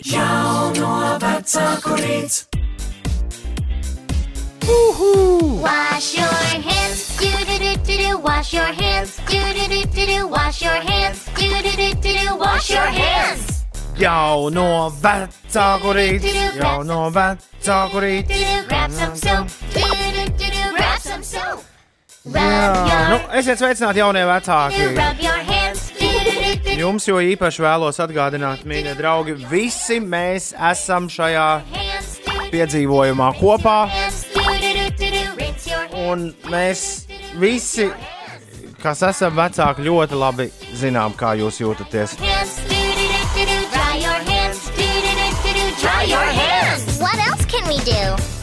Bet nu kā ir, tā ir. Your sneeze, do do do do do, cover your sneeze, do do do do do, cover your sneeze, do do do do do, cover your sneeze. Cough into your elbow, do do do do do, cough into your elbow, do do do do do, cough into your elbow, do do do do do, cough into your elbow. Safe at last, do do do do do, safe at last, do do do do do, safe at last, do do do do do, safe at last. Phew, let's stay. Sestdien, desmitos no rīta man atrakstīja Jūras. Pagājušā nedēļa mēs. Pagājušā nedēļa bija pagrieziens, jo domājot par to, ko ar bērniem darīt. Kāds no jums atrakstīja šeit, ka jāiet pārgājienā. Ir, un sacīts darīts, sestdien mēs arī devāmies mūsu pirmajā pārgājienā. Un, uh, jā, pagājušā trešdien par to runājām. Tas tika fiksēts magnetofona lentē, un tad savukārt. Uh, tad savukārt uh, šis ieraksts tika atskaņots arī sestdien no rīta uzsildītajās brokastīs. Un Jūras man rakstīja pēc uzsildītajām brokastīm. Viņš rakstīja, brauc pie zobārsta, klausos uzsildītās brokastis. Man ir pieci puikas. Divgadnieks, četrgadnieks, piec- piecgadnieks, septiņgadnieks un astoņpadsmitgadnieks. Jūri, tu esi ražīgs vīrs. Jā. Mazajiem puikām, tagad, un viņš par, tad, par ieteikumiem, ko un kā darīt. Mazajiem puikām nopērc īstu rokas zāģi un dod zāģēt dēļus. Nopērc šmepo veikalā mazu skrūpistoli. Ir arī tāda kā bērnu rotaļpistola, maksā ap 30 eiro. Dod skrūvis, skrūvēt dēļos. Man viens puika mājās durvis izskrūvēja no eņģiem pa kluso. Taisiet vienkārši tabureti. Vienalga, kāda sanāks. Tad brauciet uz mežu. Tur mēs uz mazu gāzes baloniņu turistu katliņā. Tur jāvār zupa, kartupeļs, burkāns, makarons, žāvēts šķīņķis gatavs. Vāra teju no avenājiem, cepums pa virsmu.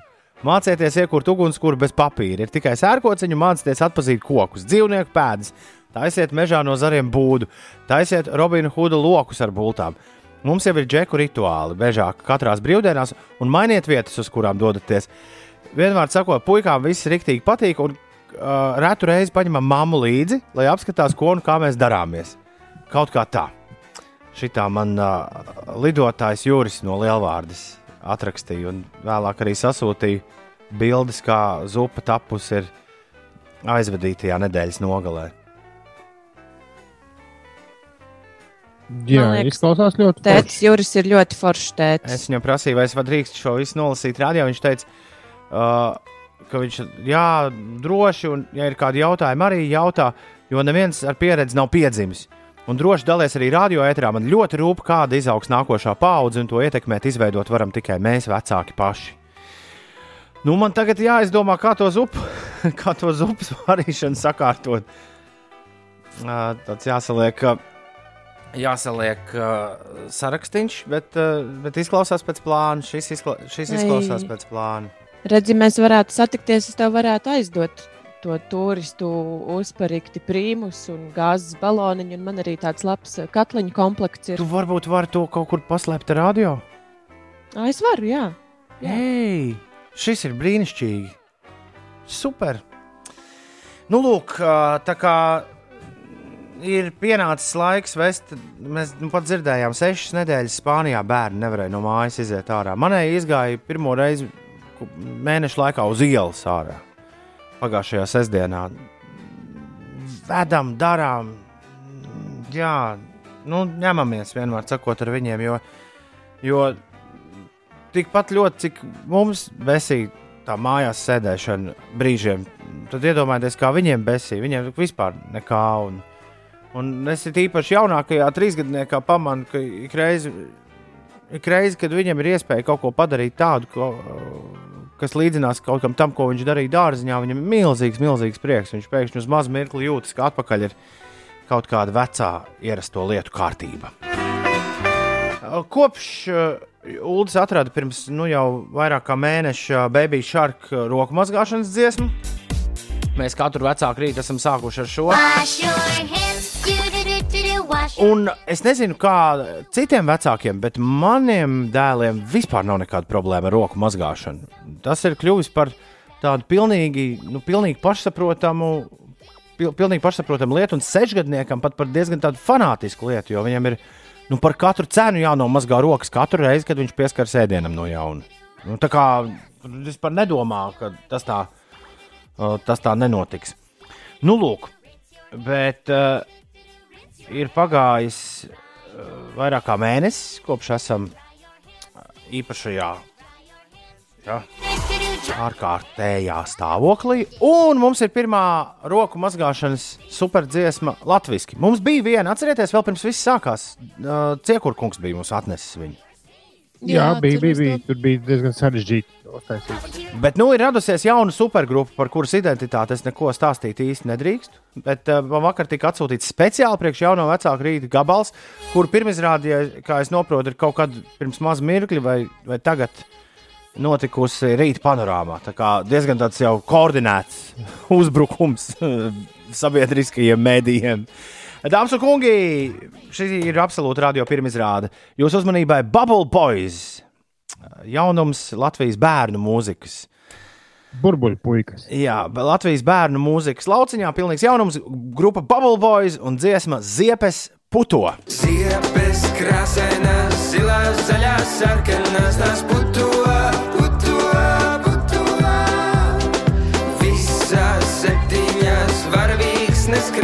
ziepes puto, puto, puto.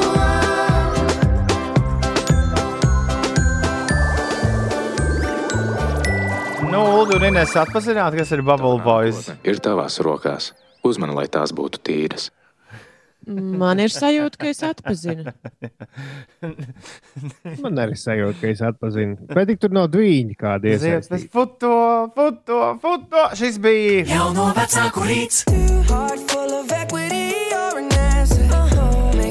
with you. Don't need no mentions. Yeah, these are my only intentions. Māk, tas Justina puika, ne? Tās dziesmas taisīt. Smeldzīgs, bet gaišs gabals. Justins Bībers un Quavo Intentions 7,38 minūtēs. Ir trešdiena, un tas nozīmē, ka mums būs. Kāds ir šīs dienas top 10 uzdevums? Šodienas top 10 uzdevums ir domājot par manu vakardienas dažādu video operatoru pamata iemaņu apgūšanu. Es iedomājos, ka ļoti daudzi šobrīd visu kaut ko mācās jaunu. Ir īpaši tie, kam ir jaunākā paudze, kuri skolā apgūst matemātiku un visādas citas priekšmetus, kā mums Jānis Aišpūrs stāstīja. Līdz ar to ir skaidrs, man, man ir sajūta, ka diezgan daudzi visu kaut ko dara pirmo reizi un iemācās darīt pirmo reizi. Atraksti, kas ir tev bijis tas dīvainākais, ko tev nācās iemācīties šajā te, nu, pē- pēdējās sešās nedēļās, šajā pašizolācijas laikā. Hmm. Interesantākā lieta, ko tu esi iemācījies vai darījis pirmo reizi mūžā. Man Jā. vakar viens čoms, uh, kurš ir izolējies kaut kur tālu pie Igaunijas robežas, viņam nācās iemācīties saremontēt trauku mazgājuma mašīnu. Opa! 29, 31, 202, mēs šorīt top 10. vēlamies sarindot jūsu jaunās maņas. Nu, tā laikam sanāk. Kas ir tas, Iemaņas, jā. ko, tas ir tas, ko jūs esat iemācījušies aizvadīto sešu nedēļu laikā? Nu, kaut kas Tom, ko tu vai esi interesants, iemācījies? protams. Mana, uh, mana, mana tre, mans treniņu sākums ar treneri skaitās? Es domāju, jā, kāpēc gan ne? Es domāju, jā, man gan liekas, drīzāk, ka tas, ka tu tur būvē siltumnīcas un ko, ka tas varētu būt. Nā, nu es jau tur esmu tikai viens no dalībniekiem. Tas nav gluži. Tas nav gluži tāds uh, solo projekts, vai ne? Ines, kas tev ir? Tāds, ko tu esi Man- darījusi, tādu, ko iepriekš nekad neesi darījusi. Nu, varbūt nu, negluži nekad neesmu darījusi, bet man liekas, ka šajā laikā es esmu krietni pamatīgāk apguvusi mūsu studijas pulti. Jā, taisnība. Tas gan. Tas Un- notika. Tā varbūt nav tāda jauna prasme, bet eh, kaut kas jauns, ko es esmu ieviesusi ikdienā, tie ir video zvani. Man patīk šobrīd sazvanīties arī ar draugiem ar video starpniecību. Tad vismaz tu redzi to cilvēku, ar ko runā. Jā, kāpēc mēs to nedarījām iepriekš? ne? Tas pēkšņi.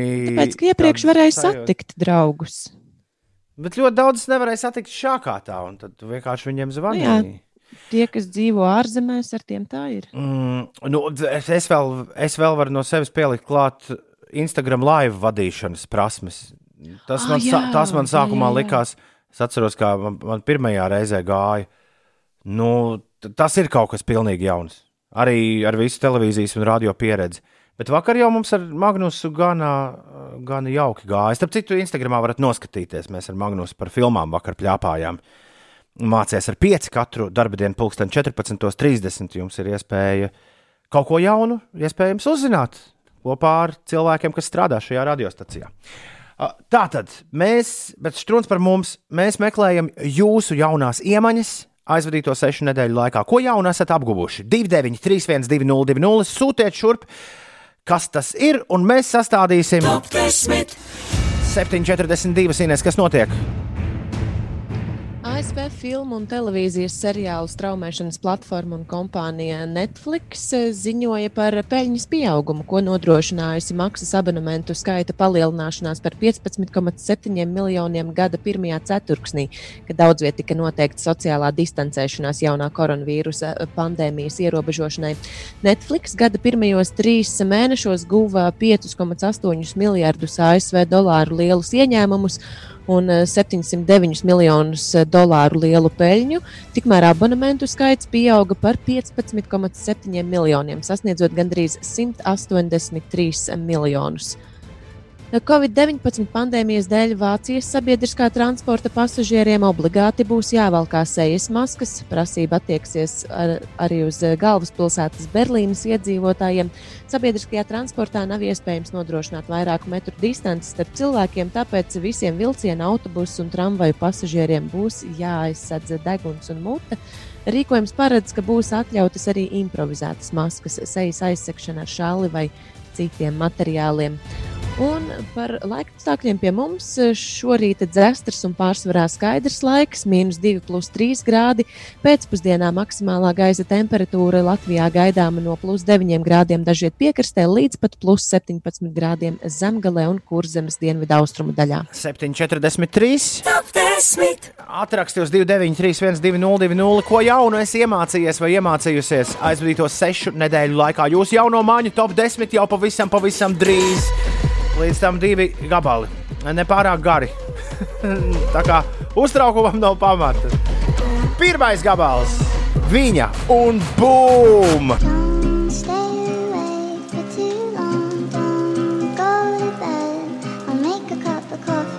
Pufu un Bībadu bija deathbed bez desmit minūtēm, astoņos. Top 10. Šorīt top desmitniekā desmit jaunas lietas, ko esat iemācījušies aizvadīto sešu nedēļu laikā. Ko nedarījāt, nemācījāt pirms tam, bet mākat tagad. Aiziet, Inês, kas ir desmitajā vietā? Desmitajā vietā ir Jānis. Viņš raksta, ka esmu iemācījies sakārtot savu istabu, apnika dzīvot bardakā, un tāpat laikā arī Sanita ir desmitajā vietā.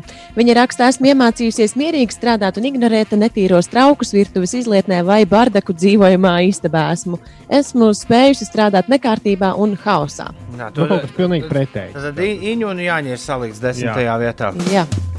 Esmu iemācījies plānot pirkumus, raksta Kārlis, un pierast pie savas balss, ka taisu ēdienu bloga live video. O! Mums ir jauns food O! blogeris. Es esmu sveicināts, Kārli. Food blogeru ģimenē. Astotajā vietā ir Anastasija. Viņa rakstā, izolācijas laikā iemācījos uzlikt mīksto uz ļoti daudzām lietām, jo tā ietekmē, dau, jo tā ietekmēt daudz ko vairs nevar, jo īpaši bērnu skološanu. Valts ir iemācījies kaut ko tādu, ko es nemāku. Valtam mēs dodam septīto vietu. Viņš ir iemācījies darboties ar izkapti. Iedomājies! O? Iedomājos. Sastajā vietā Anna. Es izmantoju iespēju apgūt kādu no ASV universitāšu piedāvātajiem kursiem pa brīvu. Šobrīd apgūstu ievadu psiholoģijā no Jēlas Universitātes. Kā. Tas gan ir vareni. Piektā vieta.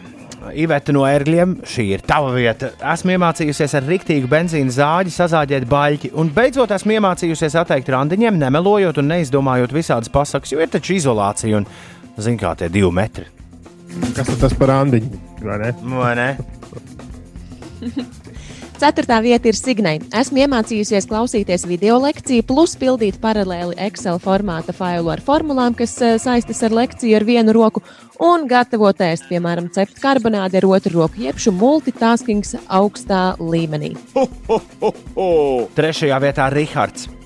Labrīt, nezinu, vai iemācījos, vai pirmo reizi pats izdarīju, bet pirms divām nedēļām pirmo reizi izņēmu traktoram dzinēju, un pagājušajā nedēļas nogalē ieliku donoru dzinēju tam pašam traktoram.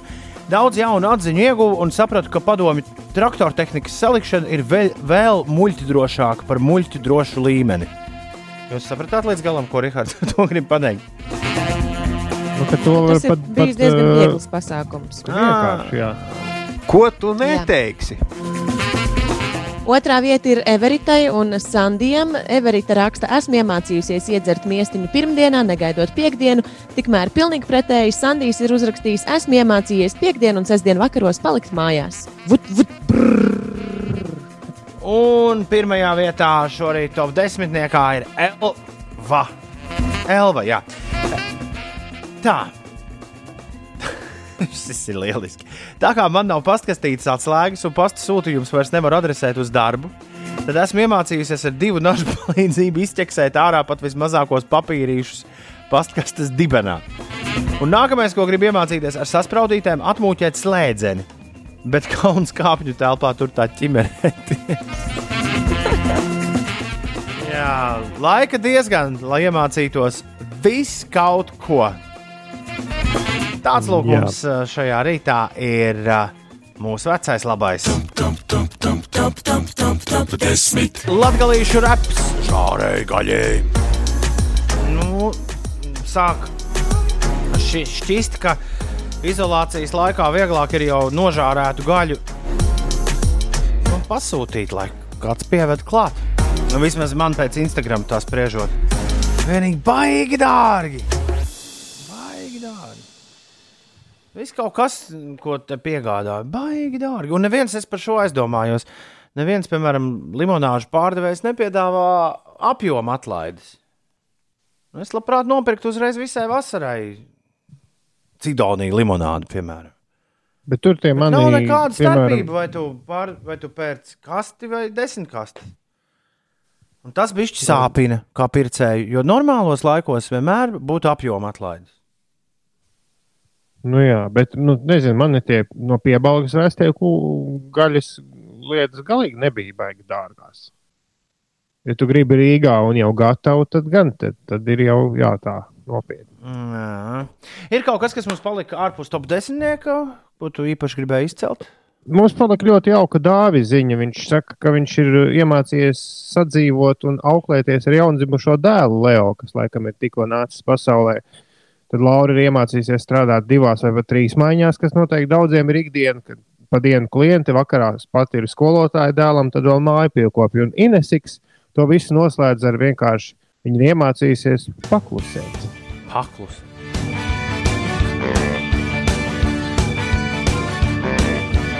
Man šķiet, ka es to arī mācos katru dienu. Aizvien vairāk šajā laikā. Tā nav sliktākā lieta, vai ne, Ulu, ko apgūt šajā brīdī?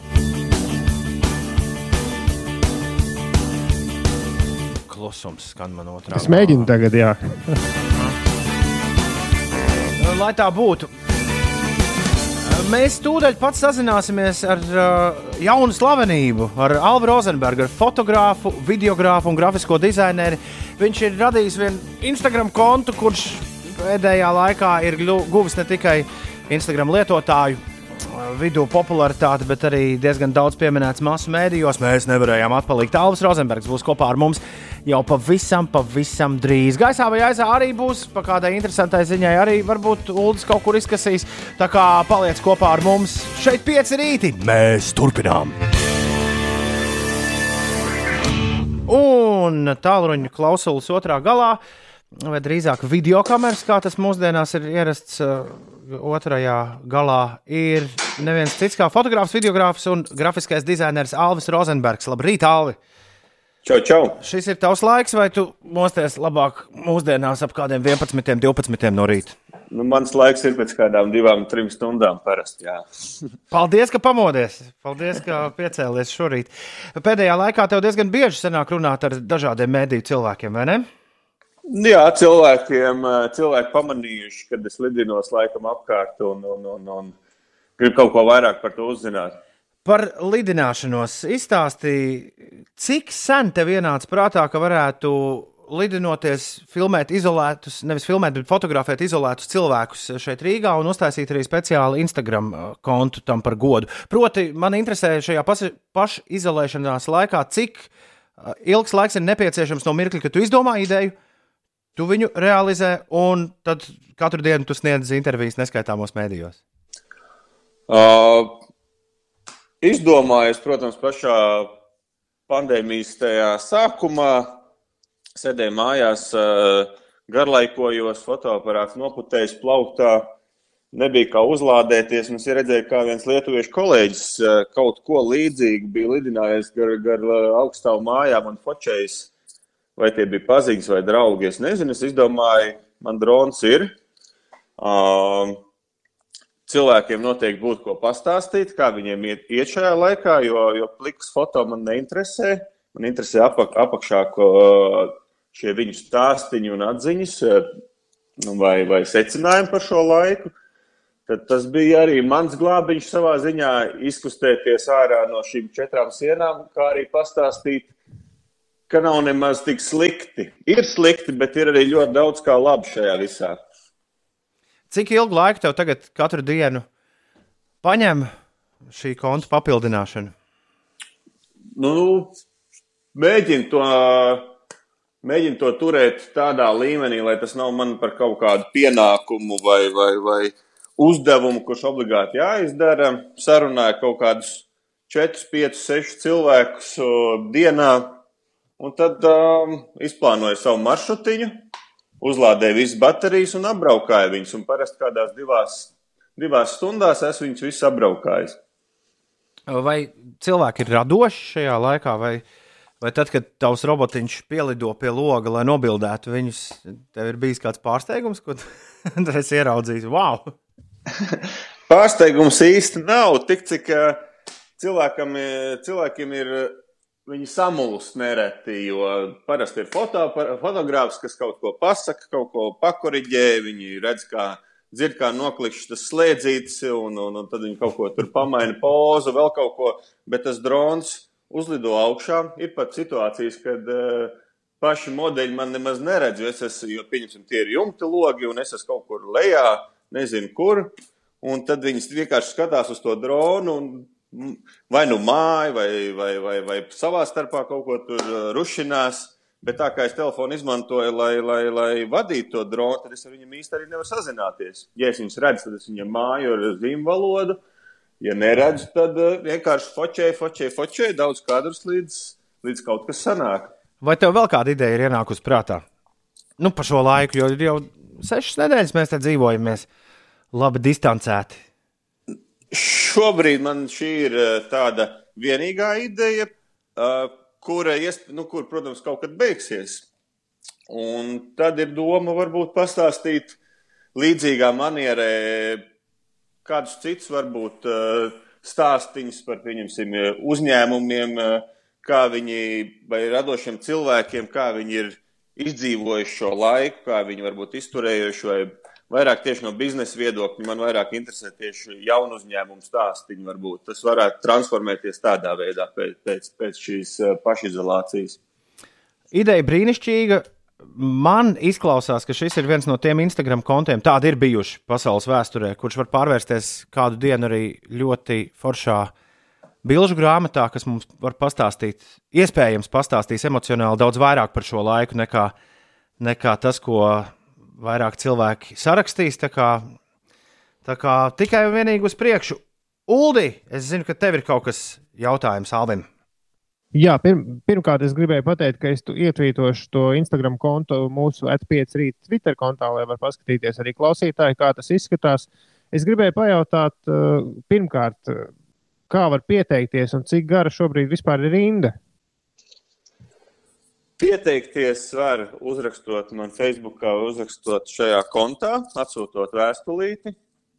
Rinda centrā, droši vien Rīgas centrā varētu būt kādi desmit cilvēki, un tad izkaisīt kaut kur pa mikrorajoniem mikro ir vēl kādi 20 cilvēki vai ģimenītes.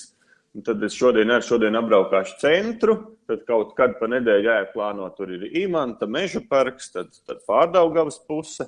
Nu, tā kā 30 kopā varētu būt. Ines, vai tev kas jautājums? Es interesējos par to attēlumu. Ja šobrīd eh, runa ir par eh, centru un Rīgu, vai, vai Alvi, tu brauktu arī, piemēram, uz Ventspilu fotografēt kādu? Ja būtu kāds jā, modelis, kurš, kurš ļoti uzstājīgi vai, vai ļoti uzstājīgi man aicinātu un teikt, ka viņam ir eh, superīgākais lokus eh, novadā, tad noteikti aizlidot. Varbūt ir jātaisa tādas kolektīvās dienas. Savācās eh, desmit pasūtītāji Ventspilī, un tad, tad var braukt.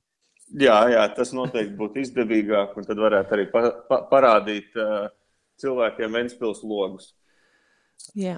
Uldi, tu, jā. tu varētu savai mājai šo pasūtīt man te ir koki mazliet priekšā, bet, bet es, uh, lai, lai, lai kāds nepārprot, šis, uh, šis pagaidām ir uh, brīvprātīgs projekts. Tas nav tev par to jāmaksā, vai ne? Nē, tas ir sevis uzlādēšanai un, un, un cilvēku priekam, nekam vairāk. Un tad man ir ieteikums, ka tu jau vari arī kaut ko piegādāt ar to droniņu pie reizes. Brokasts droši vien tās nebūs, jo es ceļos pārāk vēlu, bet par kaut kādiem našķiem varbūt varētu parunāt. Skaidrs. Lielas, liels paldies, ka piekriti šorīt ar mums. Jā, vēlreiz, ka piecēlies un piekriti ar mums papļāpāt.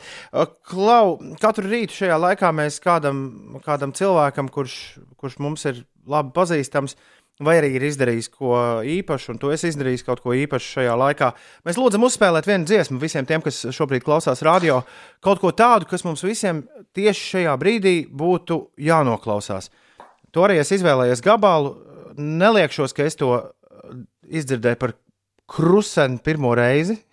Tik līdz Ulas man paziņoja, ka šis būs jāspēlē. Kas tas ir un kāpēc, kāpēc tas mums visiem ir jādzird? Uh, vakar gāju vienkārši cauri savai playlistei, domāju, kā, kā, kas varētu būt tāda forša rīta dziesma, un es viņu paklausījos, un man viņa asociējās ar tādu saulēktu, foršu rītu, tādu, kādu es šobrīd redzēju uz logu. Nu, tad, tāpēc arī izvēlējos. Rīts mums tiešām ir izdevies. Alvi, tie, kas nespēja līdz Twitterim aiziet un, un, un, un nospiest to, ko Uldis tur ir uzrakstījis, Alvi, jūs varat Instagramā mēģināt atrast, radio, radio tas izklausās brīnišķīgi. Apakšsvītra, tad ir var, apakšsvītra dzīvot un apakšsvītra. Tāds ir šī konta nosaukums. Alvi, liels paldies, ka, paldies, ka darbojies. Paldies, ka dari šajā laikā to, kas tev sanāk vislabāk. Jo esmu pārliecināts, ka mums katram ir jādara tas, ko mēs mākam vislabāk, un tad jau kaut kā tā planēta arī par spīti tam, ka nevaram satikties, turpinās griezties un ies kaut kāds progress uz priekšu. Tieši tā. Paldies! Un tagad, lai skan Krusen un Team for Namgār. Paldies, Alva! Atā! Atā.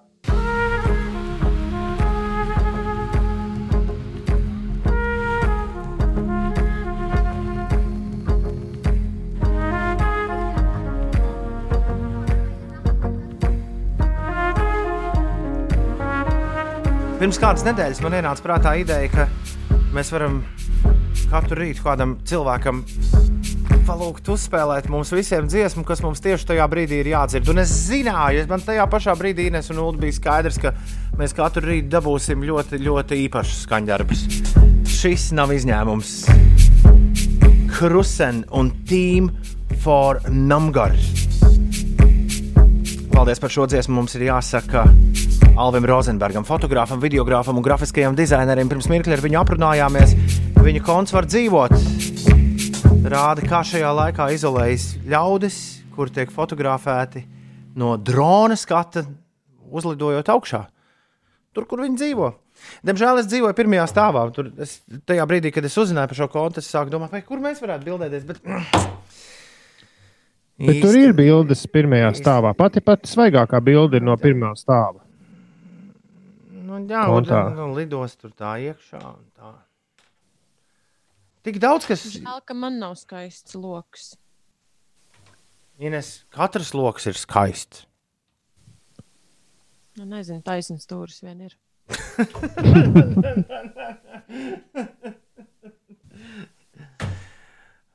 Tēvs Kraukšķis par nu pat dzirdēto skaņdarbu rakstu. Šī dziesma izklausās pēc bārdēna džeka ar brillēm un rūtainu flaneļa krekla, kurš nevar izvēlēties kafiju vietējā grauzdētavā. Nu, un tēvu Kraukšķi. Bet, ja tas džeks pēc tam, kad viņš tomēr izvēlas to kafiju, dara tik foršas lietas, kā dara Alvis, tad par ko cepiens? Nav jau cepienu. Nē, nē. Asociācija. Sākstos māja raksta, ka fēns gabals. Bija tiešām fēns gabals. Ir 8,21 minūte pareizais laiks.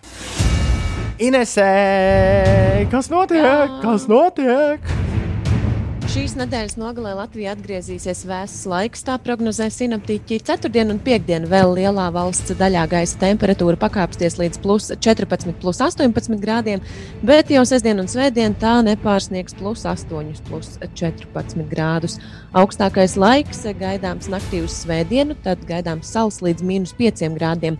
Un tuvākajās dienās būs mainīgs mākoņu daudzums, vietām īslaicīgi nokrišņi, valdošais būs lēns ziemeļrietumu vējš, un arī nākamnedēļ iespējamas bargas salmas. Tā kā šīs siltās dienas nu dien vajag izbaudīt. 24. aprīlī piekdien sāksies meža uguns nedrošais periods, tā liecina eh, Latvijas valsts meža dienesta paziņojums oficiālajā izdevumā Latvijas vēstnesis. Valsts meža dienests eh, katru gadu nosaka meža uguns nedrošo laiku posmu un izsludina tā sākumu un beigas visā Latvijas teritorijā. Un šajā periodā, uzturoties mežā, visiem iedzīvotājiem ir jāievēro ugunsdrošības prasības. Tostarp uzturoties mežos un purvos, šajā laikā ir aizliegts nomest degošus vai gruzdošus sērkociņus, izsmēķus vai citus priekšmetus, kā arī kurināt ugunskura tikai tam paredzētās eh, un īpašās vietās. Starp citu, par šo runājot, kur es varu uzzināt, kur tā paredzētā vieta ir? Tas ir labs jautājums.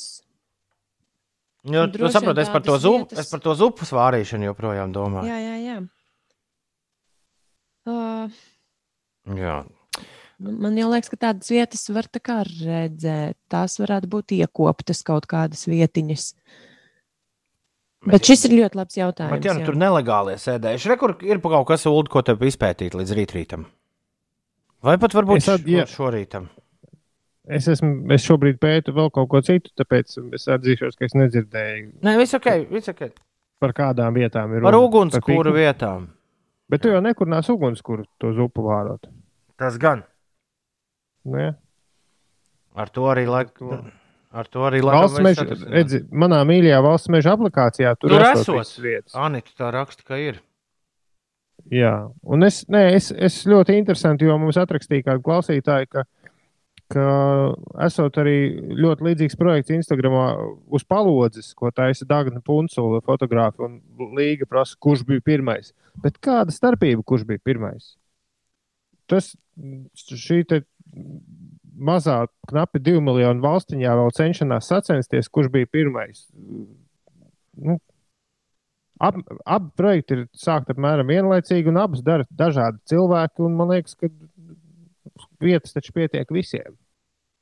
Mm. -hmm. Tā te ņemšanās, ko ār, ārprāts. Viņš gatavo. Ja tad, ja, tur- te, te jau arī mūs nevar klausīties. Nu, jā, jā, jā. Nu, tāpēc, jo ka mēs esam- bija pirmie. Mēs tā kā jāklausās tie, kas bija pirmie.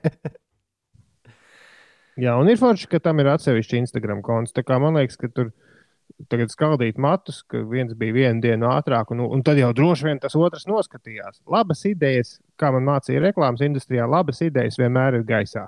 Tas gan. Un šajā brīdī pamodies ir neviens cits kā vairāk vai mazāk. Ā!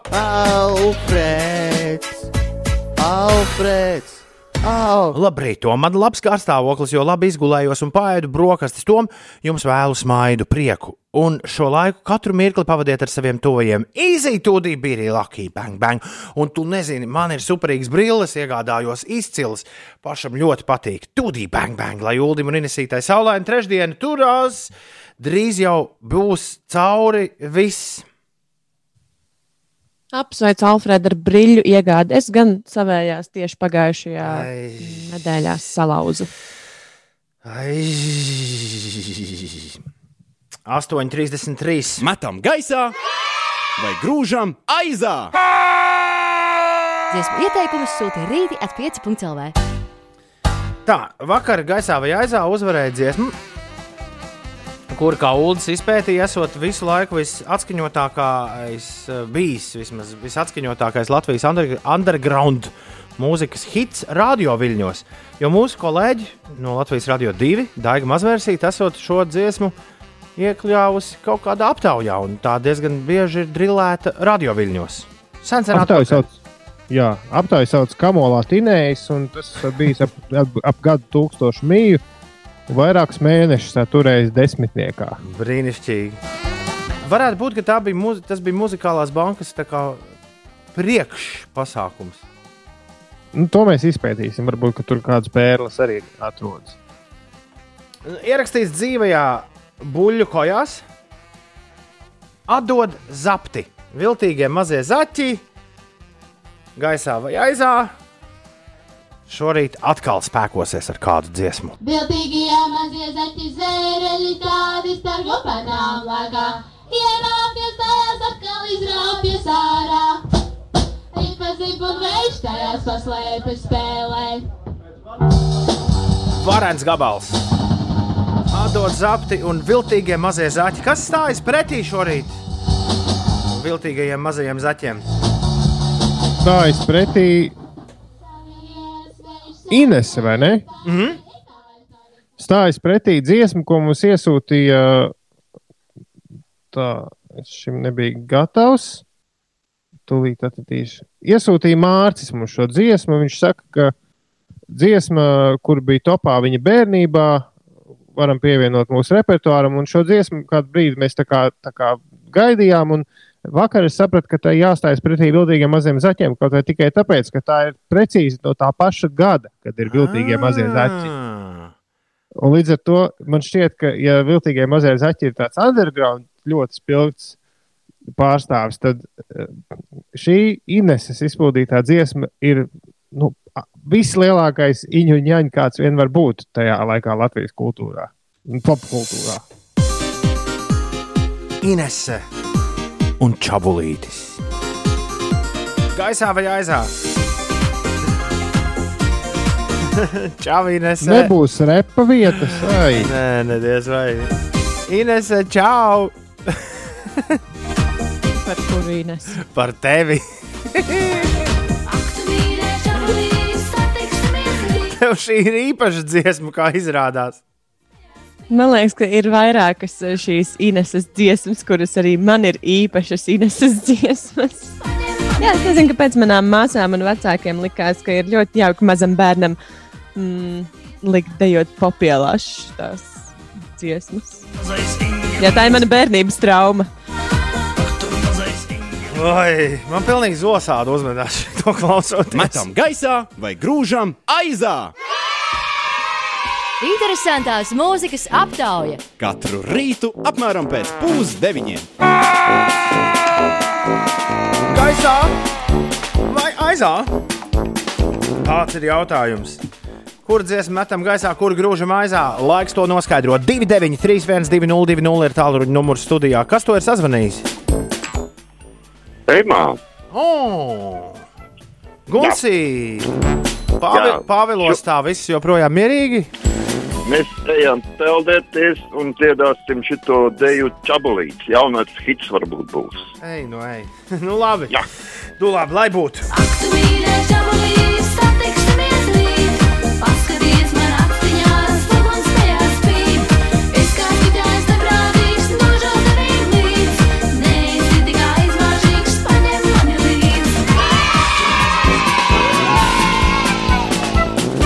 Labrīt, šeit Latvijas Rādio 5,5 LV. Kā tevi sauc? Sensīts. Nu, čau, sensīti, Daini. Beidzot. Beidzot, es arī ietrāpīju gaisā vai aizā. Tev ar čabulītes patika, vai tomēr zaķīšiem iedos iespēju palikties? Vajag, balansu, vajag zaķīšus. Vajag zaķi, vajag zaķīši. Skaidra lieta, lai, skaidra lieta. Lai, lai jau būtu viens, viens, nu tā jau trešais izšķirs. Vai ne? Vai ne? Lai jūs pusē. Pinzelīti vai? jā, jā, jā. Sensīti, Daini, lai jūs pusē šodien uh, feins laiciņš, lai var izmesties tā teikt, bišķi dārziņā. Saules spīd normāls vakars, 16,2 grādi. Tas bija. Uh, un laiks tiešām normāls. Forši. Paldies, ka piezvanīji. Čau! Ok, Bija jauka mazais diena. zaķis zvēreli tādi starp kopenām lagā. Ierāpjas tajās atkal izrāpjas ārā. Nipazib un veids tajās paslēpjas spēlē. Kā tu jūt? Kā tu jūties, Ines, šobrīd? Mm. Tu, nu, tā kā, tā kā hokeja spēlē, kas it kā jau bija uzvarēta, bet tad izrādās, ka tikai viens punkts pietrūks līdz zaudējumam. Tu ļoti labi raksturoji šo situāciju, kurā mēs esam. Nākamais zvanītājs pateiks, kura dziesma šodien ir uzvarējusi. Labrīt, hallo! Kā tevi sauc? Labrīt, Erika. Nu, čau, Erika. Kā ir, Erika? Kāda pašsajūta? Viss kārtībā, saulītas spīd, reks lielisks, jābrauc strādāt. Aiziet, un ko uzmetam gaisā pa ceļam uz darbu? Nu, to zaķīšu. Zaķīši iet gaisā! Bija mazais zaķis zvēreli tādi starp kopenām lagā. Ierāpjas tajās atkal izrāpjas ārā. Nipazib un veids tajās paslēpjas spēlē. Piedod, Ines, bet vēl bišķiņi. Oh, oh, oh. Come on, Barbie, let's go party! Oh, oh, Come yeah. on, Barbie, let's go party!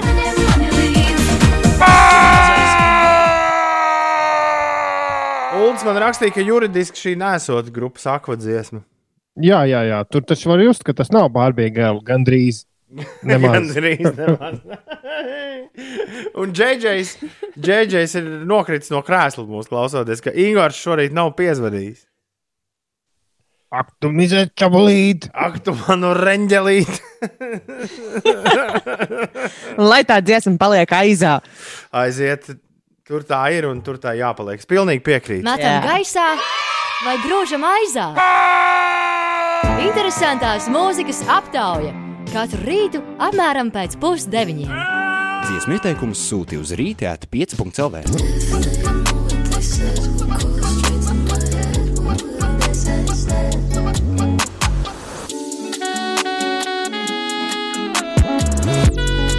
Šī ir Ulu mīļākā, mīļākā vieta šajā remiksā. ja es pareizi atceros, tā ir vai ne? Tas šaubīgs tas saksofons. Jā. Ļoti labs midijas saksofons. Kāda vaina? Ko tu vēl gribēji? Ko? Pols Monts un Terhorā apstrādā Billiju Eilišu un Everything I Wanted bez desmit minūtēm deviņos.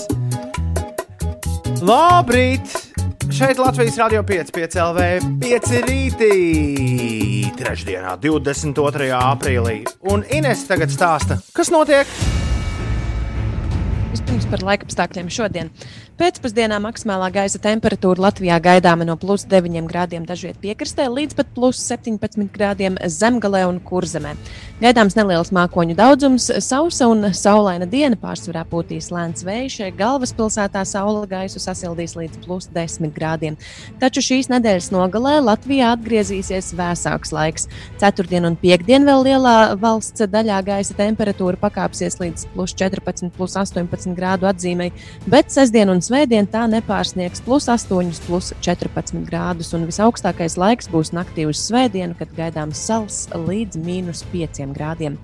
24. aprīlī sāksies me meža uguns nedrošais periods. Eh, Latvijas eh, meža dienests katru eh, gadu nosaka meža uguns nedrošo laika posmu un izsludina tā sākumu un beigas visā valsts teritorijā. Meža uguns nedrošajā laikā uzturoties mežā visiem iedzīvotājiem ir jāievēro ugunsdrošības prasības. Vēl šodien Latvijas Nacionālā līdzsabiedrība ir Baltika izpildījusi repatriācijas reisus Baltijas valsts piedrīgo atgādāšanai no Oslo, Norvēģijā, Amsterdamas, Nīderlandē un Frankfurtes, Vācijā. Pirms tam Air Baltics veiks lidojumus no Rīgas uz Amsterdamu, Oslo un Frankfurtu, un ar šiem reisiem var izceļot tikai attiecīgo valstu pilsoņi. Eh, Savukārt, eh, tranzīta pasažieriem ir jāpierāda tālāk ceļš, un tikai uz Oslo var doties arī Latvijas uzņēmumu darbinieki, kuriem jādodas komandējumā uz Norvēģiju. Klausies, ko man īru lētie atrakstīja Ines. Droši vien to pašu, ko man, bet nu stāsti. To arī saņēmu no viņiem Jā. ziņu. Paklausies, Ulu, ko šie izdomājuši. Viņi atsūta e-pastu. Re, kur ir jūsu ceļojuma voucheris? Mm -hmm. Nu, par to naudu, kas tev ir bijusi. Lūdzu, te viņš ir. Es nekādu voucheru neprasīju. Es prasīju naudu. Es tagad sāku lasīt, un pašā beigās tur apakšā maziem burtiem rakstīts. Jā, jūs varat nelietot šo voucheru, jūs varat pieprasīt naudas atmaksu, taču atcerieties, ka mēs ievietosim jūsu pieprasījumu naudas atmaksas rindā līdz brīdim, kad būs beigusies Covid-19 ārkārtējā situācija. Kas tas tāds tagad ir? Nu, Es domāju, es... Viņi mēģina nodrošināties, ka tomēr kaut kāda nauda paliek pie viņiem. Nu, bet mm, būs jāiz, jāizraksta kāds e-pasta patērētāju aizsardzības dienestam, vai viņš šādi tiešām drīkst darīt. Es vairāk par tevi neuztraucos. Man tie ir burtiski kaut kādi 90 eiro. Tie tiešām var arī pagaidīt kādu laiciņu, bet tev jau tās maltas biļetes gan bija diezgan padārgākas. Mm, tā, tie ir man kaut kādi 260 varbūt. Nu, re, tev jau tur jau to mašīnai, ho! Tagad sanāktu viss kaut kas par tādu naudu. Jā. Jā, paklājiņa. Tev ir kāds komentārs, Ziediņš? Tev ir kāds komentārs, Ziediņkungs? Jādodas pie mūsu angļu paziņas, kas uh, jau ilgāku laiku apkopo dažādus stāstus par to, kā cilvēki ir dabūjuši vai nav dabūjuši. naudu Viņai, prasi, viņai prasīt padomu? Uh, Nē, palasīt, pirmkārt, viņi ir apkopojuši visu kaut ko, ko viņai ir iesūtījuši citi, kā, kā citiem iet ar īriem. Aha. Uh, how many holidays viņa bija Instagramā, vai ne? Jā. Jā. Tā ir viena no interesantākajām ceļojuma blogerēm, kādai mēs esam uzdūrušies. Labi, uh, ir bez sešām minūtēm deviņi. Mums ir vēl viena lieta atlikusi, kas jāizdara šorīt. Šī ir raidījuma producenta Ulu Ziediņa mīļākā rubrika. Nu, kā Ulu tev paveicies? Tev šodien viss kaut kas mīļākais. Interesantās ziņas! Labrīt, labrīt, labrīt, labrīt, labrīt, labrīt, labrīt. Katru dienu mūs sasniedz jaunas ziņas par dīvainām lietām, ko ļaudis dara internetā. Dažādās tiešsaistes platformās, no kurām pēdējā laikā visvairāk dzird par Zoom. Uldim ir teorija, ka tas ir tikai tāpēc, ka šo vārdu viegli izrunāt un lietot dažādās formās. Zoomā, zūmiņā. Zoom bombing un. Jā, jā. jā. Nu, Es- tas skan tā kaut kā stilīgi. Izrādās, ka pa, par pavisam reālu lietu ir kļuvuši virtuālie Zoom naktsklubi. Kā ziņo Bloomberg, Losandželosā naktskluba dzīve pārvākusies uz virtuālo vidi, un ļaudis Zoom klubos iezvanās no mājām, un galvenais maksā īstu naudu, lai varētu piekļūt ekskluzīvajām tiešraidēm, kurās ir viss kā īstā naktsklubā - dreskots, ārā metēji un tiešraides DJ seti. Piemēram, kādā Zoom klubā, ko sauc par Club Quarantine, nav baigi oriģinālais nosaukums, vai ne? Ieja maksā 10 dolārus, bet par 80 dolāriem var iegādāties privātu istabu, kurā balēties kopā ar Instagram zvaigznēm un profesionāliem dejotājiem. Dreskodu noteikumi ir stingri, pidžamā neviens iekšā netiks ielaists. Lielos vilcienos gan visi Zoom klubi izskatās diezgan līdzīgi. Vienā čata logā redzams DJs, kas liek mūziku, bet pārējos logos ir ļaudis, kas dejo savās viesistabās. Taču, kā raksta portāls metro.co.uk, šī esot lieliski iespēja uzsākt sarunu ar svešiniekiem, paklausīties svaigu mūziku un uz brīdi aizmirst par dīvaino situāciju, kādā mēs esam. Galu galā arī īstais naktsklubs taču ir mazliet cita realitāte. Virtuālie naktsklubi to paceļ jaunā līmenī.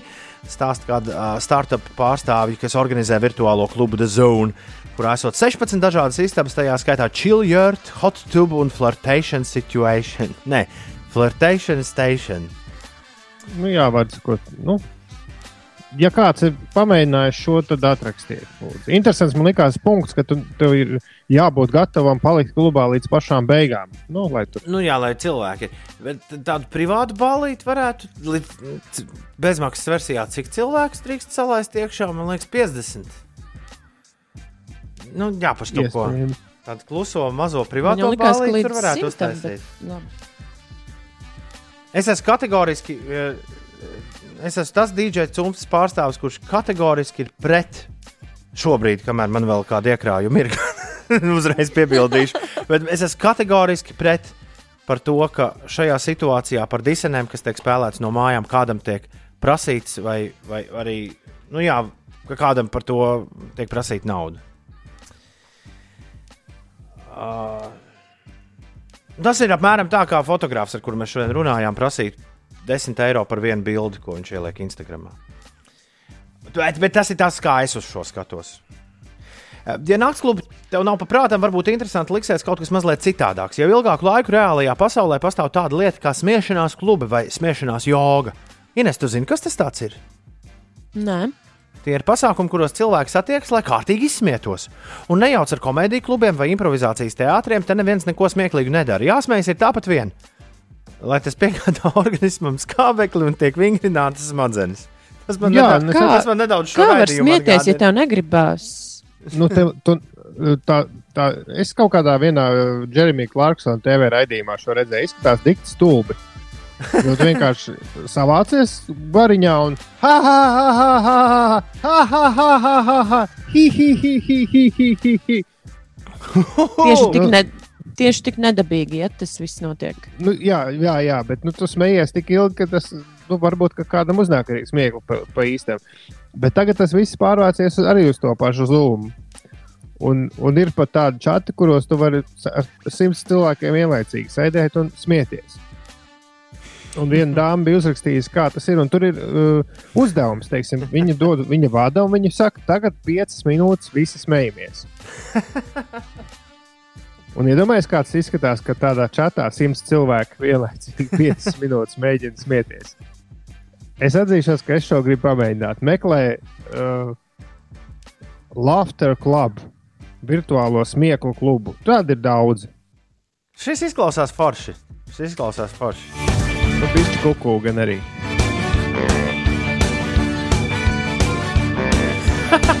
Tajos naktsklubos nedrīkst ar savu dzērienu ierasties.